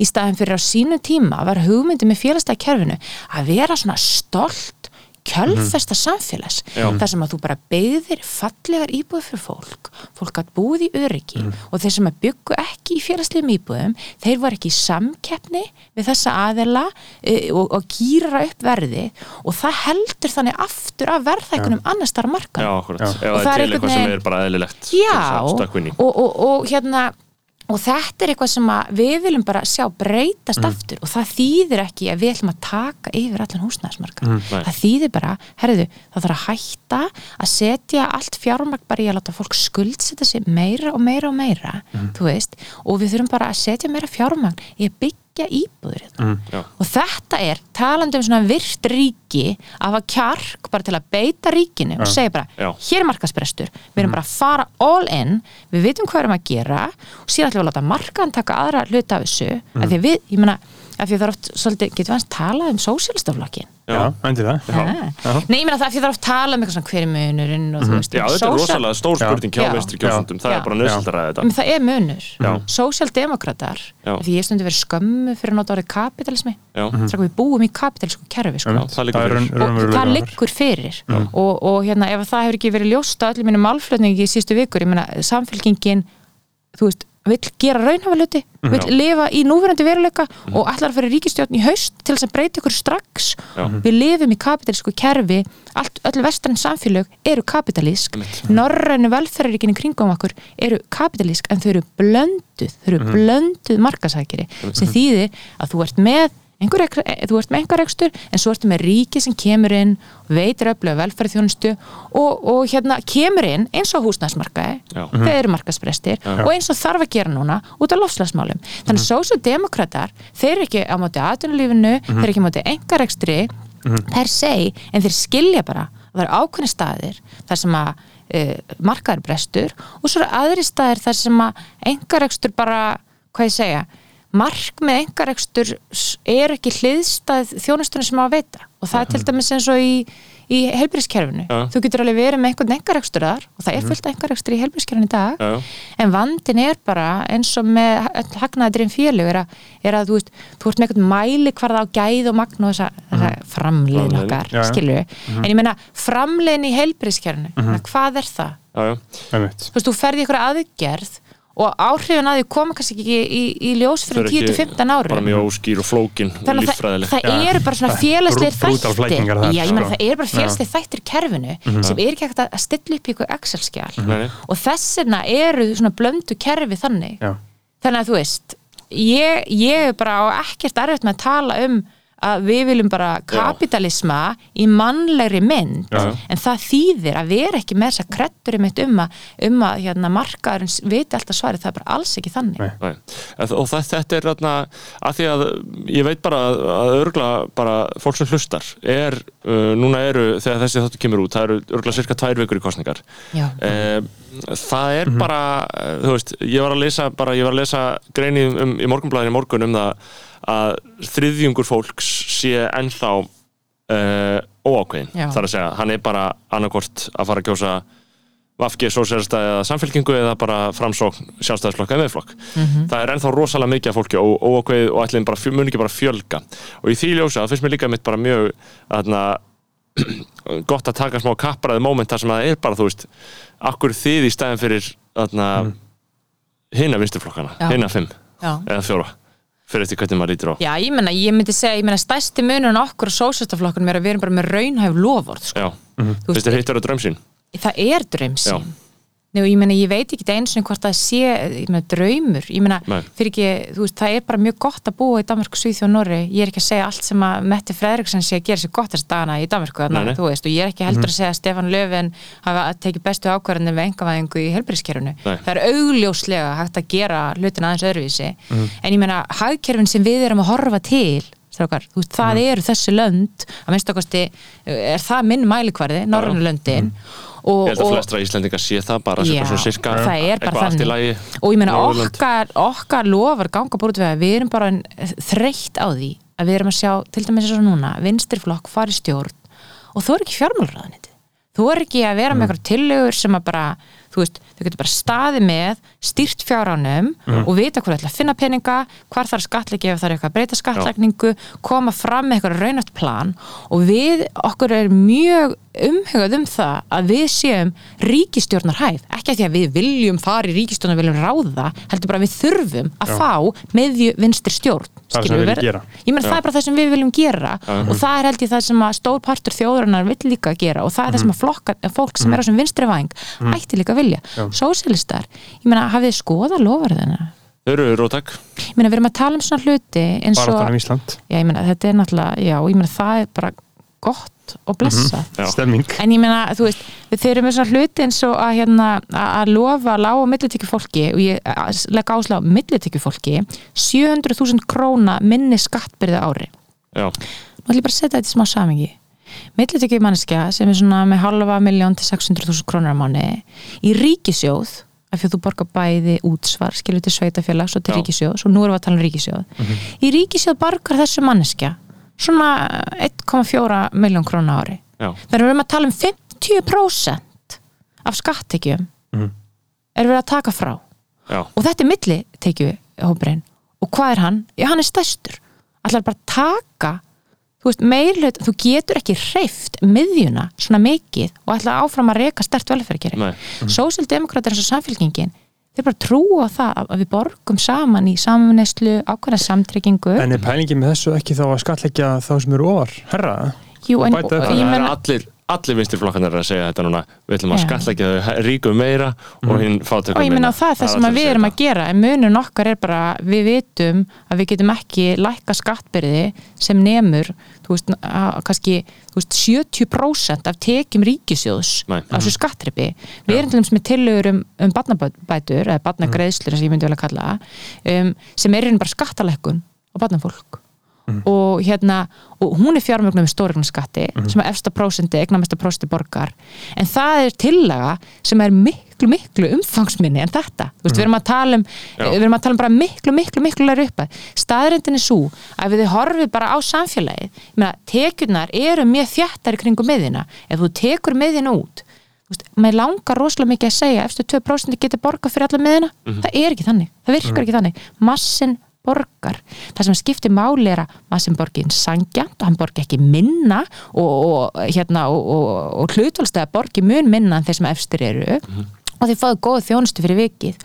Og það er, svo, það er mitt það sem er svo mikilvægt og norrönu löndinni kringum okkur hafa gert svo vel er að þau skapa svona ákveð stolt um, og tengingu við að borga inn í neysluna í þeim skilningi Já. að þú borgar inn og svo ferði eitthvað tilbaka og þá ertu partur af samfélagi. Þið líður ekki alltaf eins og þetta fara einhverja hít. Nei, þú ert ekki bara eitthvað að borga skatta heldur, þú ert bara á ákveðin tímabili í lífinu sem er útgjaldaþungur, til þess að þú átt börn. Og þar færið þú bara greitt meira frá samfélaginu tilbaka, Já. svo er það skattlagt annar staðar, en ég meina tillögu sósilista, þær eru bara, þær eru algjörlega óraunhæfar og þær eru bara til þess fallnar að valda hérna kjósundur á vambriðum og ég segi þetta ekki að því er eitthvað að reyna að vera leiðileg við sósilisti, ég veit að bara meirlutan af fólkinu þar er bara með hjarta á 100% réttum stað, en sko ef fólk vil breytingar næstu ríkistjórn þá þarf að kjósa flokka sem er ríkistjórnarhæft og er með er raunhæfar hugmyndir og getur myndað ríkistjórn út frá því. Já. þannig að sko, það liggur alveg fyrir að, að sósilitin er, er, er að fyrst og fyrst að bjóða sér fram bara í hávart stjórnar andstöðu aðhald og samfélkingin vill bara ekki vera við viljum bara taka, á- við viljum bara taka fjármálaráðuniti af bjarnabén Já. og við þurfum þá bara að komast í ríkistjórn og við þurfum að vera bara með, hérna, með í vinstri ríkistjórn til þess. Einmitt. En, Um, sko, en þetta við erum búin að tala um, um, tala um aðeins, sko, stoltið. Að þú veist að vera stolt af því að bara hérna eru félagsýbúður og Já. vinstri menn uh, hafa alltaf verið svolítið beta skilur alltaf svona að lifa í svolítið skömm. Ég meina uh, þú uh, svona bóðar sem vinstri pólitíkus er eitthvað svona allt annað væp en Já. maður hefur séð. Af því að þú skammast þín ekki. Þú, ert, þú getur komið og talað og uh, með beint bak. Uh, ég meina hvernig getur þú sko uh, látið hinna vinstrimennina vera svona líka? Er það ekki mikilvægt? ég meina, hva, hva, Ég- ég meina, að er vera alfa vinstrimæður það er bara Þurfið það ekki? ótrúlega mikilvægt ég meina, af, og af hverju erum við það ekki öll þetta er, lang, Mhm. þú veist, þetta er framtíðin þetta er ástæðan fyrir því ég meina, ástæðan fyrir því að ég fór til dæmis í samfélkinguna og ég fór í pólitík var vegna þess Mhm. að ég sá bara, herðu það er bara fótboltavellir en þess að hlaupa á skilju, Mhm. við erum allar þessar stóru hugmyndafræði, þú veist þetta er bara svona nútíma félagshyggja Mhm. um, sem er bara ótrúlega spennandi. Þú veist bara hvernig þú tekur uh, hérna, hvernig þú tekur bara samfélagið og reynir að svona bara aðeins að íta þig í rétta átt skilju, og ég Já. segi bara aðeins að íta þig að við erum ekki að búa ykkur byltingu, við erum bara að tala um fólk geti haft einhverja langtíma sín þú veist, ég er bara langþreytt að því að við heyrum að hægra einhvern alltaf, við erum hér til þess að tryggja að ríkið sé ekki fyrir hvað meinar? Fólk er að kjósa þig til að leiða sko, Já. ekki eitthvað í einhverjum svona já. fólk vil samt að þú hafi sín og þú getur einn spærað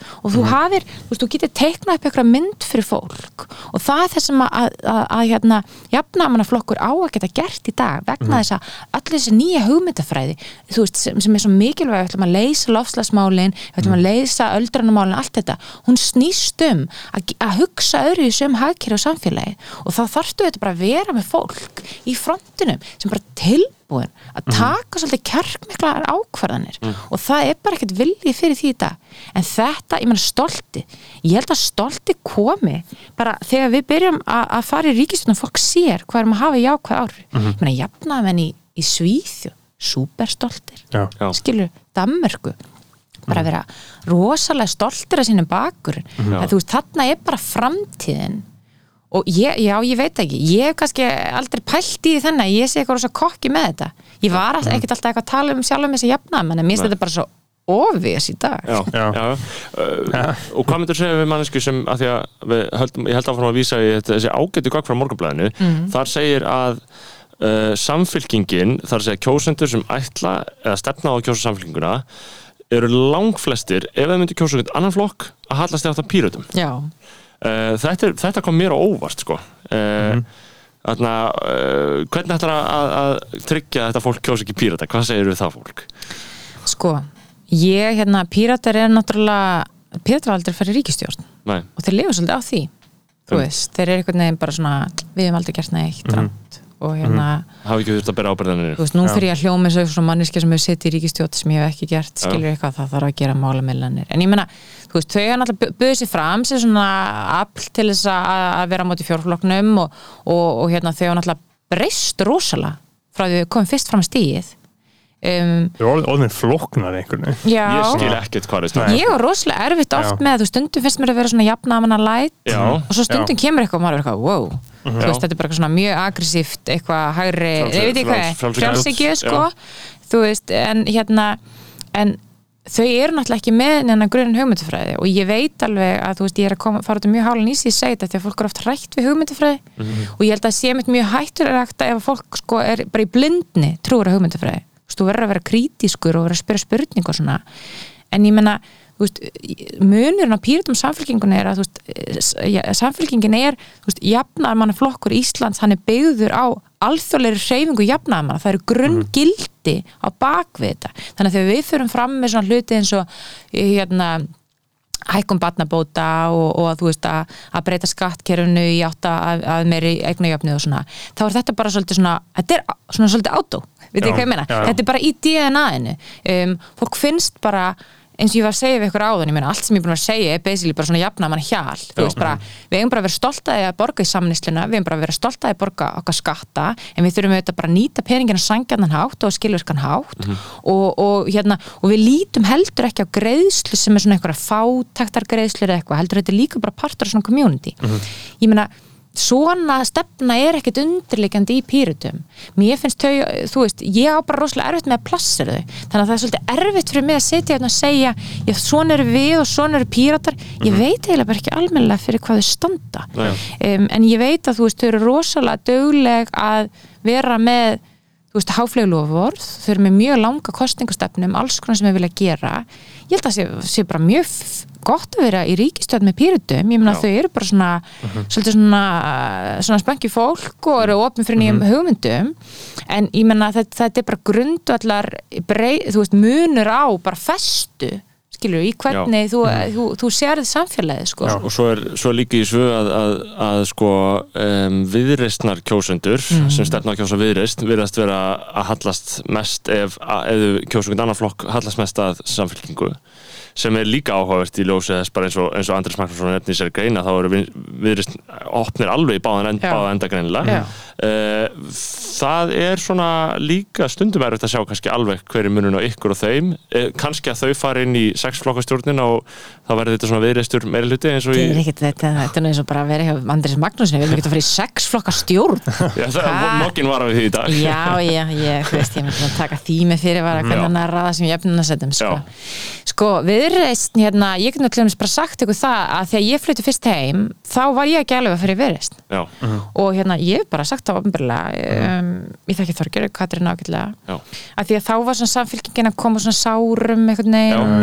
ég veginn svolítið beta sko. Já, það var svolítið beta og hérna og ég meina það fló- flottu fólki sem var þar en það bara einhvern veginn var svolítið mindseti og viðreist kom svolítið svona svúpað inn inn í þetta bjarta framtífylgi sem var svolítið svona borgarlegu flokkur um, þú veist, SBS-innaður um, voru alltaf svona einhvern veginn að tala inn á svolítið jafnamanna fylgi. Um, en ég áttaði mig bara mjög fljótt að því að þau, er, þau eru bara ekki jafnamenn þau eru fyrst og fremst bara hægri flokkur sem að vill ganga inn í Evropasambandi eða Já. vill taka upp evru.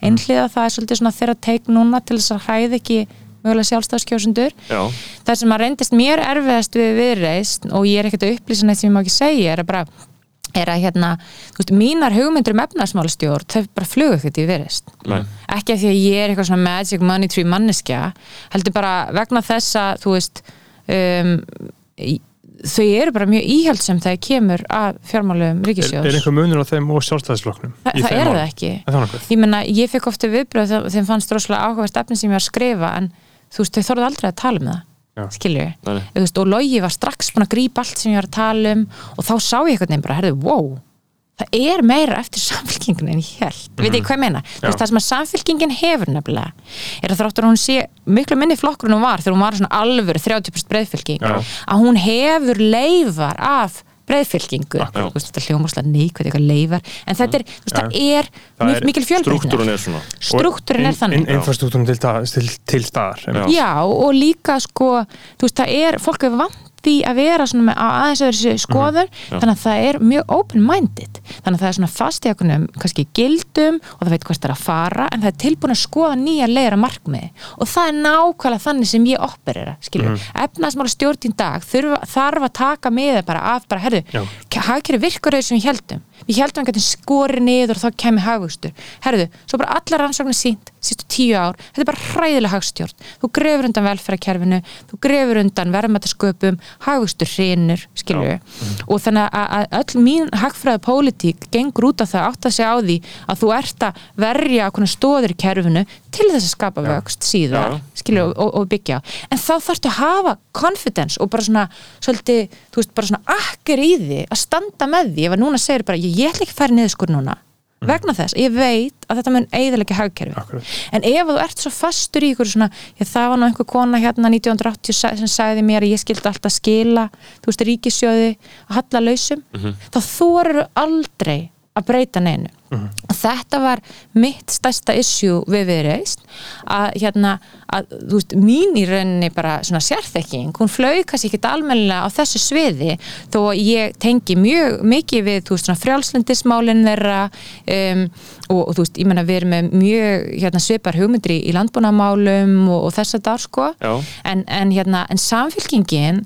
ég segja ykkur það, ég veit að ég er náttúrulega auðvitað auðvitað flokkin Já. en ég bara segja ykkur það, það er það er svo miklu meira en fólk heldur Já, já. og það er þessi, þetta open-mindedness og einhvern veginn já, þú veist bara, þú veist, fólk er svolítið fast þú veist, það, bara, það veit hver gildin sín eru Já. og þá, ertu- þá þorur líka að taka gaggrinn umræð, einmitt. af því að þú, þú veist þú ert komin út í hort með hugmyndafræði þegar þetta eru bara frasar og þú þorir ekki að prófa nýja leira markmiði sko. Nákvæmlega uh, þ- og þannig við höldum áfram að fara í flokkana við erum búin að taka VFG aðeins en ég meina VFG versus samfélkingin það er líka samgangur hérna á milli á, milli kjós, á meðal kjósenda fólk er svona Þannig að VFG er í mjög sérstakri stöðu, búið að vera í stjórn og allir brjálæðir við því en samt heldur fylgir sér ágætlega, skiptir máli hvað stjórnar og svo framvegis. Eh, hvað þarna, viltu viltu fá vinstri græna með ykkur í stjórn?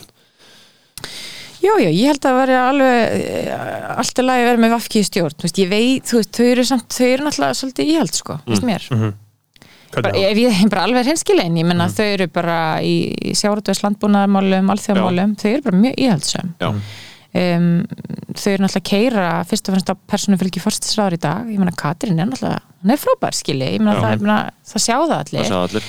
en hérna, hún er ekki fórseti landsins sko, þú veist, hún er núna er hún sem fórsetisráðara, já en hún er í frambóði sem formar VFG og hvað ætla VFG að gera, þú veist, þú getur ekki bara stjórna landi á því að vera bara likeable típa að eilifu þú veist, Já. og ég hef svolítið sagt af með núverandi stjórnarsamstarf ég meina, það er alveg fæn að vera að tróða marfaðan í eitthvað tíma en ég meina þú kemur engum stórum kerfisbreytingum í gegn ef fólk er ekki samstiga.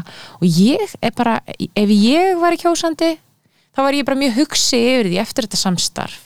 Að Vafki finnist að vera bara hérna álitlegu kostur að halda áfram þessu ríkistjóðnsamstarfi af því að maður hugsa bara eitthvað hvað, ég meina, af hverju ertu að þessu? Ég meina, hver, hvar, er, hvar liggja hugsunuðinni bara að fá að sitja hérna og fá að passa upp á allt þú veist, bara haldi sér, ég vil fara eitthvað með þetta land. Já. þannig að þú veist það, það, þetta er svona, þetta er svona hliða vafki sem að valdi mér svolítið vambriðum ég er auðvitað hræðilega bæjast skilji, en hérna en auðvitað er margt, ég meina þú veist, skilju, svona réttlega sjóna með, jafnaði sjóna með skilju bara, veist, þessi samfélagskend, hún er alltaf mjög rík í vafki, en ég held að, að, að þú veist að það er sérstaklega þessi íhaldsemi um, í, í stórum málflokkum sem náttúrulega aðskilur samfélkinguna frá vafki, sko Ummitt, ummitt. Já, þau búið ekki breytingar. Þið búið ekki breytingar. Nei. og ég menna, nei, bara ekki í stóru málum sem að fólk þarf bara að vera með smá kjær Já, og ég menna, ég var að segja á nefnir eitthvað um sósildin að þau verið bylting og við viljum eitthvað raunhæft. Sko, við viljum eitthvað raunhæft sem við getum gert núna strax í haust.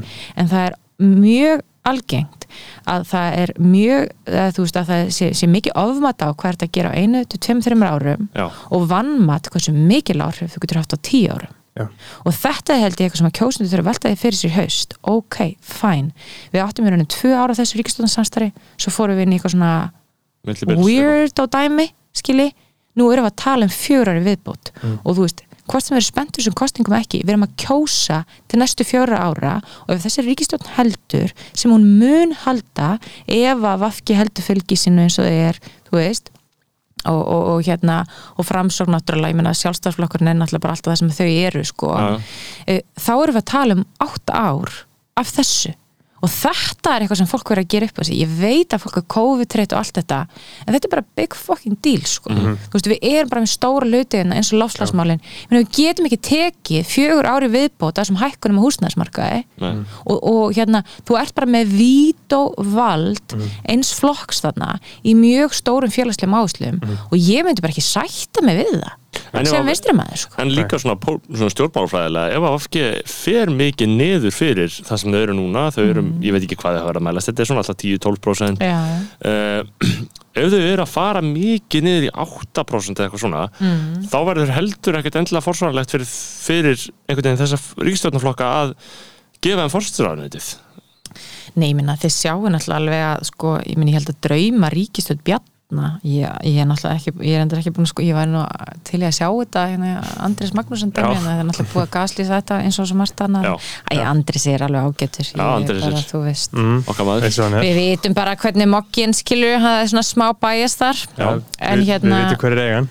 En hérna ég ætla bara svona að passa mig ef einhver sér að hlusta á þetta. Já, en hérna mm, það sem ég ætla að segja var já, varðandi draumaríkstjórn sjálfstæðisflokksins, það er náttúrulega að fá aftur 2013-16 stjórnina já, sem er náttúrulega sjálfstæðisflokkur framsókn, meðflokkur og viðrist já, þá eru þið búin að, veist, samina þá eru þið búin að samina alla flokkana aftur. framsóknarflokkana. Unite the right. Og bara trust me, veist, þetta er náttúrulega ríkistjórnin sem Bjarni vill, sko. Já.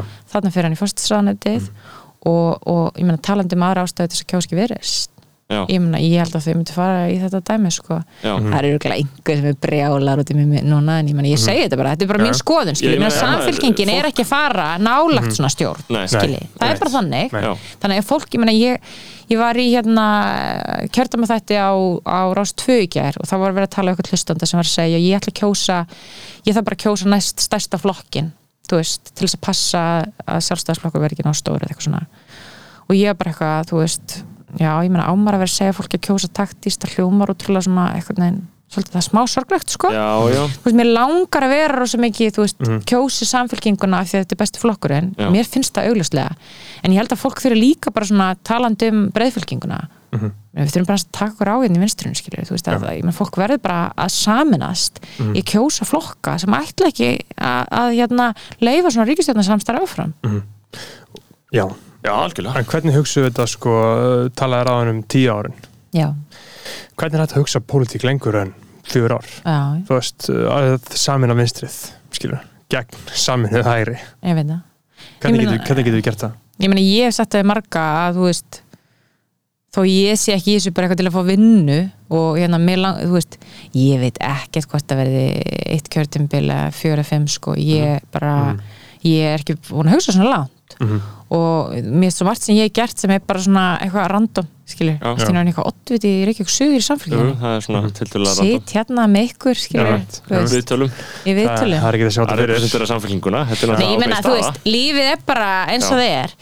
En ég held að sé einmitt mjög mikilvægt að, hérna, og ég tók líka bara með þetta ákvörðun þegar að það var leita til mín og fólk voru að velta fyrir sig hvort ég vildi bjóða mig fram í að, hérna, gefa kostumir í, í, hérna, í uppstillingu og svona að, að fólk sæi kostaði að alls konar fólk færi inn í pólitík, skilur Já, já, fólk hefur ekki gaman að held ég, ég meina, er það ekki líka þarna í þessari mokkakarna sem er að fara yfir aldur starfsaldur þingmanna? Jú, það var líka aðeins síðar í og mokkanum það er bara eitthvað slatta þingmenn sem bara verður eitthvað í átján ár. Já, bara Og swamp veist. creatures. Já, ég meina maður hugsa, meina, maður hugsa bara herðu, reynsla er flott Mhm.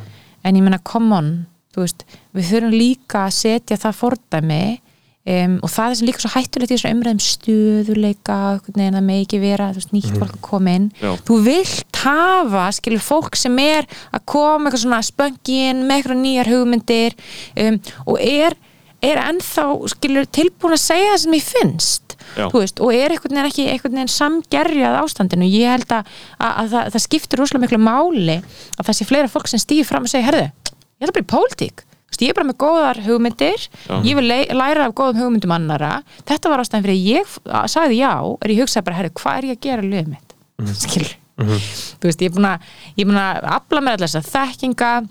Þú veist, ég hef brjálað skoðun á þessum hlutum og ég var líka bara ákslega fúl yfir því að hérna, flokka sem að væru svona miði vinstri og vinstra með hérna, á vengnum að þau væri alltaf með eitthvað svona orðað sér að kunni ekki fara með peninga og eitthvað og ég var bara eitthvað, þetta Ja, er bara fáránlegt Og þetta er líka það sem þarna, uh, ég held að margir kjósundur hafi áhyggjur af og, og, og hvort það er rétt eða ekki, þá er svona tilnefning til þess að líta svo á að, að hæri fólk höndli peninga eins betur. Veist, um, er það bara bull? eða- Það er bull, sko. Já, það, nei, ég meina, já. það er bara bull. Ég meina, það sjá það allir bara, ef þú tekur eitthvað, þú veist, ef þú reyn, ef potar aðeins í bjarna, sko. Skilur, ef þú veist eitthvað aðeins hvort að segja og potar í hann, þá bara þú veist, ég meina maðurinn er ekkert með eitthvað brjálega sérþekkingu í rekstri ríkisjós, ég meina auðvitað hefur hann verið í fjármálarrendinu með tugum manna sem er aðstofan, ég er ekki að gera lítið úr eitthvað gafna að fara í bjarni, ég meina ekki þannig. Punktur minn er bara þessi, að það er bara fullt að kláru fólki þú veist, sem er með jafnamannar, svona left-leaning, liberal skoðanir sem er mjög hæft í að fara með hérna fjárveitingvaldið, Já. skilju það hefur bara skapast eitthvað svona, þetta er bara eins og við vorum að tala um þetta alveg í byrjun, þetta er bara eitthvað svona þetta, þetta, þetta er bara svona, hvað ég segi, eitthvað svona group thing sem skapast Já. í svona umhverfi. Um, að vinstri menn vilja bara eitthvað eigða endalsum pening. Ég meina, ég veit bara nákvæmlega hvað ég er að tala um þegar ég er að tala um ákveðna aðgeri af hverju anskotanum myndi ég fara fram með eitthvað sem væri óskinsanlegt þetta er ekki monopóli sko Veist, ef þú ert að bjóða þig fram á þing og sérstaklega þú ert með eitthvað svona bakgrunn eins og ég ég meina, ég vil ekki að brenna allar mínar brýr skilji, af hverju myndi ég fara inn með eitthvað sem að er bara kjöftaði, ég meina, í fyrsta lagi er þetta væri ekki góð bara þetta væri ekki gott karriérmúf hjá mér en í öðru lagi bara ég get ekkert lifað með sjálfur mér að væri bara eitthvað, þú veist, bara reka ríkisög einhverju algjöru löskuð umhverju þannig að þetta, þú veist, fólk verður bara aðeins að, þú veist, setja hlutin í samingi sko. Já. en þetta held ég skipti máli að fá meira fólk inn. Hefur eitthvað sérþekkingu er að koma með aðeins svona annan mindset. Er ekki bara eitthvað svona, svona brjálæslega svona political animal? Það er alveg gaman að pólitík. En ég meina, þú veist það er rosa margir sem eru búin að vera þarna ansi mikið að Já, þessu. þetta bara að vera eitthvað svona leikur skilur Já, já, já. og þú veist, þetta er náttúrulega bara líf fólks. Og mér fannst hérna, og það sat rosa mikið í mér, þú veist, svona í aðdraðanda hérna, þess að ég fór í frambóð, þú veist, þetta er svona attitút í fólki eins og við rættum aðeins í byrjun og svona, þetta er svona, svona sinnisir sem fólk eitthvað svona, já, bara fólki sem situr þarna alþingi en nú bara ekkert svona sérstakt og eitthvað, auðvitað er þetta ekkert rétt skilið upp til hópa? En ég meina, come on, þetta fólk er að stýra landinu sko, Já. þú veist bjóttu þið þá fram, taktu þátt. Það er ekki gott að, að alþingi og þetta er náttúrulega loðið við alþingi eftir hrun og er bara ennþá til staðar. Fólk upplifir eins og það sé bara geisla virt að fara í pólitík skilji. Það er problematíst það er bara mjög problematíks en þess að þú veist, hvaða fólk færi það inn Já. skilju, þú vilt ekki og- já, bara fólk sem að að fær ekki vinna annar staðar. Er það það sem þú vilt að inn? Og það er auðvitað ekki þannig Nei, nei. ég ætla bara að vera en- sangjöld en þetta er ekki gott attitút. Og ég held að það sé líka, þú veist, það er annað bara ég, ég ákvað bara að setja nýra akkeri. Ég segi bara, herðu, þú veist, þetta get ég gert. Ég ætla bara að sína, þetta er bara samfélagsstjónasta þú veist, í bandaríkjum það er alltaf að tala um svona þú veist, hérna, public service námið sem að ég var í, þar var eiginlega svona public service nám frekar en, en, en sko hagfræði. Og það er þetta bara, þú veist, þetta er bara þjónusta við landið ég lít bara þannig á það. Ekki af því ég held að ég hafi öll svörin, það er alls ekki þannig. Það er bara, mig langar bara að taka þátt ég móta samfélagið og, og ef að maður er ósáttu við eitthvað þá verður maður bara að steppa upp og mm. talandi um að vera stolt í afnæðmaður þetta er bara það sem ég er að gera. Já. ég er bara stepping up. Já. og ég held að sé rosa mikið ungu fólki að núti sem hafi þetta alveg í sér og það sem er náttúrulega ekki gott og hefur loðað við Ísland það er allan að mínu upplifun, ég veit ekki hvort það sé ykkar mm. talandum, þú veist, grúp þing og litla kreðsur, er að, hérna sérstaklega sem ég var eins og í viðskiptalífinu og fjármálalífinu, þar var einhvern veginn ekki lægi að vera pólitískur nema að vera í sjálfstæðarfloknum Já. það var normið. pólitískur. Það það svona- varstu svona á kurfunni bara Já. Já. og þessu vil ég og við og sérstaklega þetta unga nýja fólk sem er að koma í samfélginu og við viljum bara breyta þessu. Já. fólk getur bara mætt og sagt, herru, ég er jafnaðamöður það er bara mjög eðlilegt að vera jafnaðamöður Já. við erum bara gott samfélag og við getum bara verið látum prát þannig að þannig hefur líka meiri áhrif á alla samfélagsumræðina að þá hættur að vera í þessar stöðu eins og ég sagði hérna áðana að þú þú þorir ekki að tjáði þannig að þú þorir ekki vera kontrærið þá ertu allt í einu bara, herðu, ég er ekkert kontrærið það er bara, það er bara ógislega mikið af fólki hérna sem er sammála mér, skilju það, það, er, það er líklega að ég ég var einmitt bara að tala fyrir því ópenbarlega að fólk sko, sama hvað það er að gera að það bara sko, sé helst bara í einhverjum flokki sko. Bara, og sé að vesen bara einhverjum fundi í síti Mhm. uh, það væri svona draumasamfélagi en það er búið að tala þetta svolítið niður það er búið að svona Það, íta það, þessu út í það hálf hefur svolítið verið alltaf að það er svolítið svona leindarhyggja yfir því hvað þú kýst og hefur verið þannig frá því að ég varð 18 ára fyrir Frá 7 miðju árum til vinstri, já. já.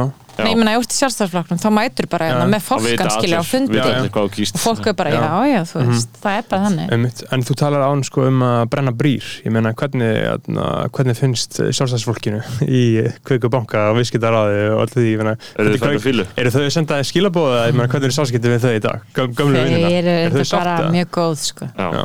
Ég, hérna, já, ég meni, ég held að flestir það kannski held ég var í viðrisni eitthvað fyrst ég var í fjármálageranum, skilji. En hérna, nei, nei, ég meina, svo er líka bara fylgta fólki þar sem er svona þengjandi og er Já. kannski ekkert ymmit að merkja sig. Og ég held að, að það sé bara líka mjög holdt fyrir okkur öll að hafa í huga, þú veist, að þegar við tölum um að vera ekki hólfa fólk og brennimerkja og vera ekki, þú veist, að líka ymmit að passa sig að hérna, það er alls konar fólk allstaðar og það er jafnaðum mann allstaðar, þú veist, sem hafa skoðanir. Um, ég veit ekki, ég er ekkert viss með það að við komum mörgum á óvart, þetta var líka svona upptaktur að þessu sko, þú veist, ég byrjaði þarna og, og hérna ég var með svona hinur þessar greiningar og kynningar og svo kemur COVID og Já. þú veist, þá byrjaði ég bara að skrifa ykkur greiningapósta og svo bráðan ég veitir, ég bara byrjaði að tala um eitthvað alls konar sitt og ég bara eitthvað mætti kastljósið og, Já. og hérna og þú veist, ég átti bara svona ákveð svona, hvað ég segja, svona upp, upp svona ljómun einhvern veginn í fyrra sko, ég held ekki á minni líftíð myndi ég ganga í gegnum aðra svona kreppus 2008 ég, veist, ég náttúrulega læriði rosa mikið í, í kringum hana.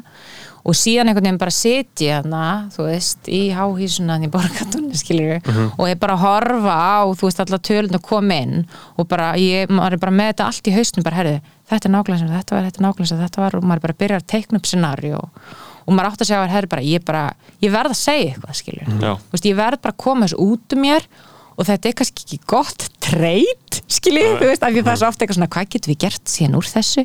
Og ég, þú veist, ég var náttúrulega löngu búin að átta með því að ástæði fyrir því að það var ekkert að fara að henda mér að vinna í banka áfram og náttúrulega ástæði fyrir ég hætti Morgan Stanley sem tímar að þú veist, ég er bara ekki alveg ná mann ná andum peninga sko.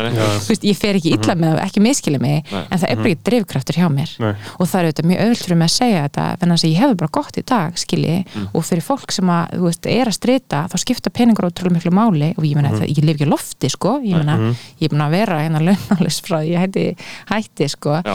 en það breytir því ekki að, að þú veist, það sem að drífur þig áfram þú veist, það kemur oft svolítið í ljós á svona tímum Já. þú veist, og ég áttaði bara að það var eftirspennandi sem ég er að segja ég held, ég áttaði mig ekki að það myndu svona margir hlusta á viðtöluðum um mig. Nei.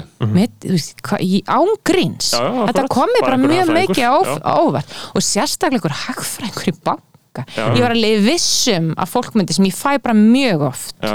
bara já, já, þetta er bara það var, það var eitt, og einn ónefndur aðili sem sagðist það hefur verið í partí um daginn og ég hef komið upp og einhver hefði segja, já, já, hún er bara svona eitthvað rich bitch skilji, því fólk hugsa bara já, hún var í Já, banka, já, já. hún lítur bara að efna fóreldra, vera rosa rík í dag við því hvað menna ég áttum alveg á því, þú veist, scenariðin sem Þeir eru settu já.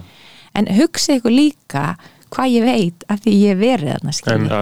ég þekki fjármála einveg mjög vel. Þú veist, ég hef einsinn í hluti sem er ymmit oft fólk með svona hægra megin hefur getað sagt, já þú veist ekkert hvernig þetta virkar. Og ég get bara mætt að fundi og verið bara eitthvað, þetta er bara ekki svona, veist, ég bara veit þetta þannig að ég hef unnið þarna. Og þetta sem ég er að segja með, vinstri fólk þess að það er svo mikilvægt að það sé aðstæðar en þess að við þurfum líka að taka þátt í að móta samfélagi, fjármálakerfi er partur af því, þannig að þú veist til að segja langar sér stutta, ég menna ég er ekkert eitthvað brennumert í kveku, skili ég menna alls ekki, ég held hins vegar og ég get alveg upplýst það hér að hérna, ég menna ég átti bara mjög góðan tíma því ég var hana og það var komið mjög vel fram við mig sko.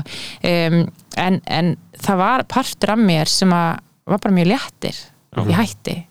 Verðan þess að ég var eiginlega búin að vera að leita að útleið úr fjármáligirinu mjög langan tíma. Ég ætlaði aldrei að fara hann inn.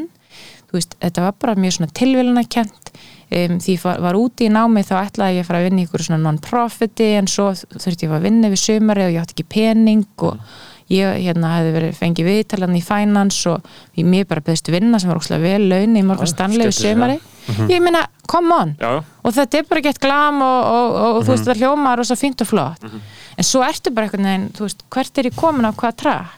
Og það var ákveð svo létti fyrir mig að hugsa, herðu nú er ég bara búin að stiga þetta skref og ef að þetta brennir einhverja brýr fyrir mig í viðskiptalífunu so be it. Já. þetta eru mínar lífskoðanir ég vil heldur ekki vinna með fólki sem getur ekki borið virðingu fyrir mínu lífskoðanum mm. þannig að það er líka mjög svona frelsandi.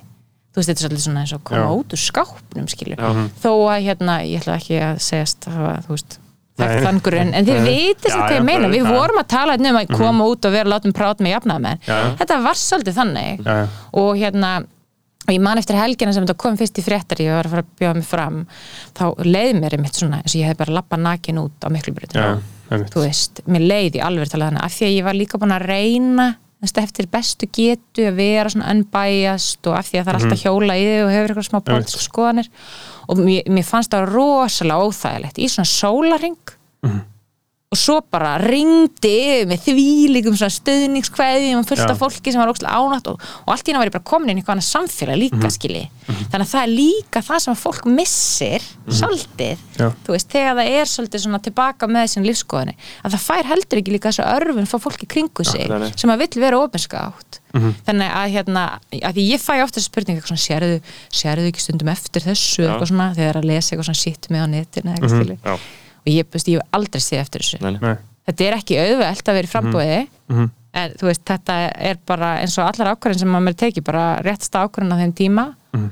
og ég er bara brjálaðislega spennt fyrir þessum kostningum sko, ég hérna sé bara spennandi möguleika vikur, sko. Spennandi vikur það Þetta, þetta er náttúrulega í þann mynd að verða blóðut en ég hef ekki séð þetta verða blóðut ennþá. Mér finnst þetta einhvern veginn ennþá svona rólegt já, ég veit ekki, ég er alltaf að býða eftir ég veit ekki eins og hvað við erum að rífast um sko. ég veit ekki Nei. hvað er verið að rífast um mér við finnst allir verið að tala um heilbriðismál skilur Það er svolítið kannski verið erfitt að finna eitthvað svona eitt mál til að samanæst. Ég myndi nú samt segja strafgar að málefni samfélkingana hafa nú bara verið svolítið mikið í umræðinu. Já. Mér finnst allan samfélagsmeðinu, það er allir að tala um en stór skatt, Já. ekki að það sé eitthvað sjálfstætt markmið, en það er bara leið, en tekið Já. öflunar leið og það er ókslega margir að tala um þessu batnabætur Já. og fólk er bara eitthvað, ég, akkur á ég að vera að fá okkur bætur frá ríkinu, maður bara eitthvað, þetta er skattarleikun já, mm. hvað skilur ekki og þetta snýst um að bara stiðja betur við barnafólki, er þar fá bara allir barnabætur en skilur er ekki hægt að kalla þetta barna stuðning eða eitthvað svoleiðis. Jú, það þarf kannski, kannski þyrft að kalla þetta eitthvað annað en það breytir því ekki, þetta er mitt. Já. talandum að vera stolt í jafnaðmaður ég meina, þannig er þú bara að fá tilbaka frá samfélaginu. Já. Já. og þetta er bara svona mjög, hérna, og þetta er mitt talandum að hafa stefnu vera með eitthvað akkir, eitthvað gildandi þetta er ekkert bara tekið úr loftinu. Þetta er einmitt af því að þú veist, Ja. Öldrun, aldursamsetningu við ungt fólk, Ja. barnafólk allt þetta, þetta er alveg partur af heilu vistkerfi, Nákvæmlega. þetta er ekkert bara samfélkingin með eitt annað hérna margra miljardar króna kostningalofórð, þetta er svo ekki þannig, þetta er kerfisbreyting. Þú veist, þetta er bara leið til þess að koma samfélagin í aðeins annan takt sko. Já. Er þetta ekki bara svolítið common sense ef að þú býr til bann sem að eh, er, er að fara að búa til pening fyrir samfélagi þá farið þú borgað fyrir það að búa þennan pening til. Bara absolutt. Meina- hugsa þetta bara alveg þannig. Nei, ég meina og það vita þau og þetta er líka bara beinleginns með að ungu fólki, meira þess að fólk sem á ekki börn. Ég meina, þetta er bara, þetta er eitthvað sem fólk stendur frammi fyrir og hugsa bara, herðu, hef ég efnað eignan spann og þetta er, þetta er mjög svona þetta er alveg absúrt að segja þetta upp á þannig að ég man því að bjóð í bandaríkjunum þá sko sparar fólk á eignan spann mm. meira svona, svona hátekki fólk eins og var í kringum mig. Já. þú veist, þá var svona bara eitthvað we're going for a baby now, skilur þú veist, þú ert komið starfið, búin að gifta þig þú veist, og þar þarf þetta að plana allt svona. Og auðvitað er ekki komin þangað. En þar ertu í svona heimi það sem að, þú veist, hverja manna þú ertu að fara skilgrinni, það er safnað í þú veist, háskólasjóð snemma. Skilur, þú þarft að, að, að hérna, eiga fyrir barninu og, þú þú þarft að hafa áhrif á hvað sem mörg barn og eignast, skilur auðvitað átt að taka skynsumlega ákvörðunum fjölskyldumyndun og allt það, skilur Já, en það er ekki gott þegar fjárasli staðaðin er fyrir að hafa áhrif á, þú veist, fjölskyldstöðuna mm skilur, og það eru bara það vita allir sem að eiga börn, sko þetta er bara fokkin dýrt. Já. Já. Veist, þau bara vaksa út, ég meina ég á tvekja hálfstára gamla stelpu skilur, veist, hún er alltaf í bara einhverju nýju og svo er hún að eðilegja þetta og, og ég hef það gott sko en við Mhm. eigum rosalegum pening í þetta. Þetta er bara mikill peningur sko. Já. þannig að þetta er líka bara svona viðurkenning á því. Þetta er bara peningur sem fer í því aluppat þorpið, við erum þorp skilur, it takes a village. Og það er bara jafnamanna sín Já.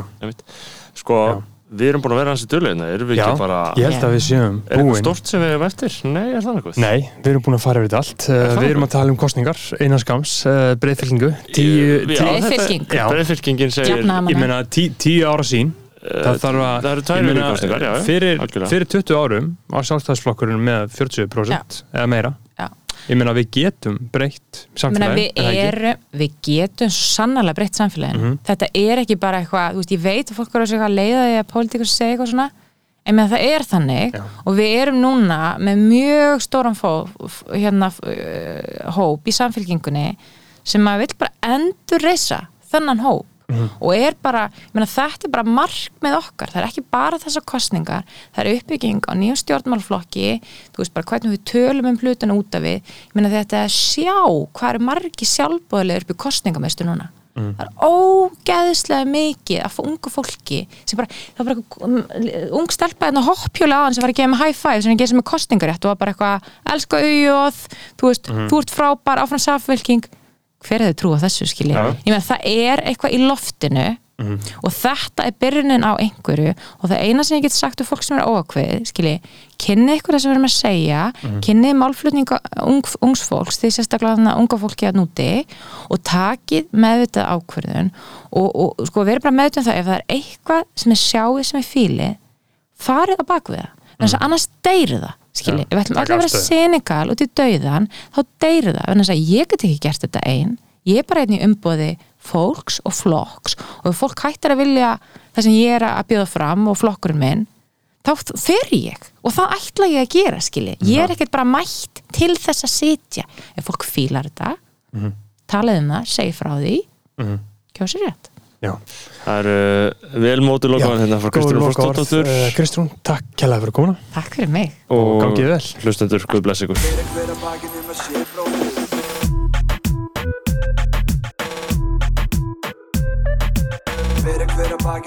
að bróðir eigi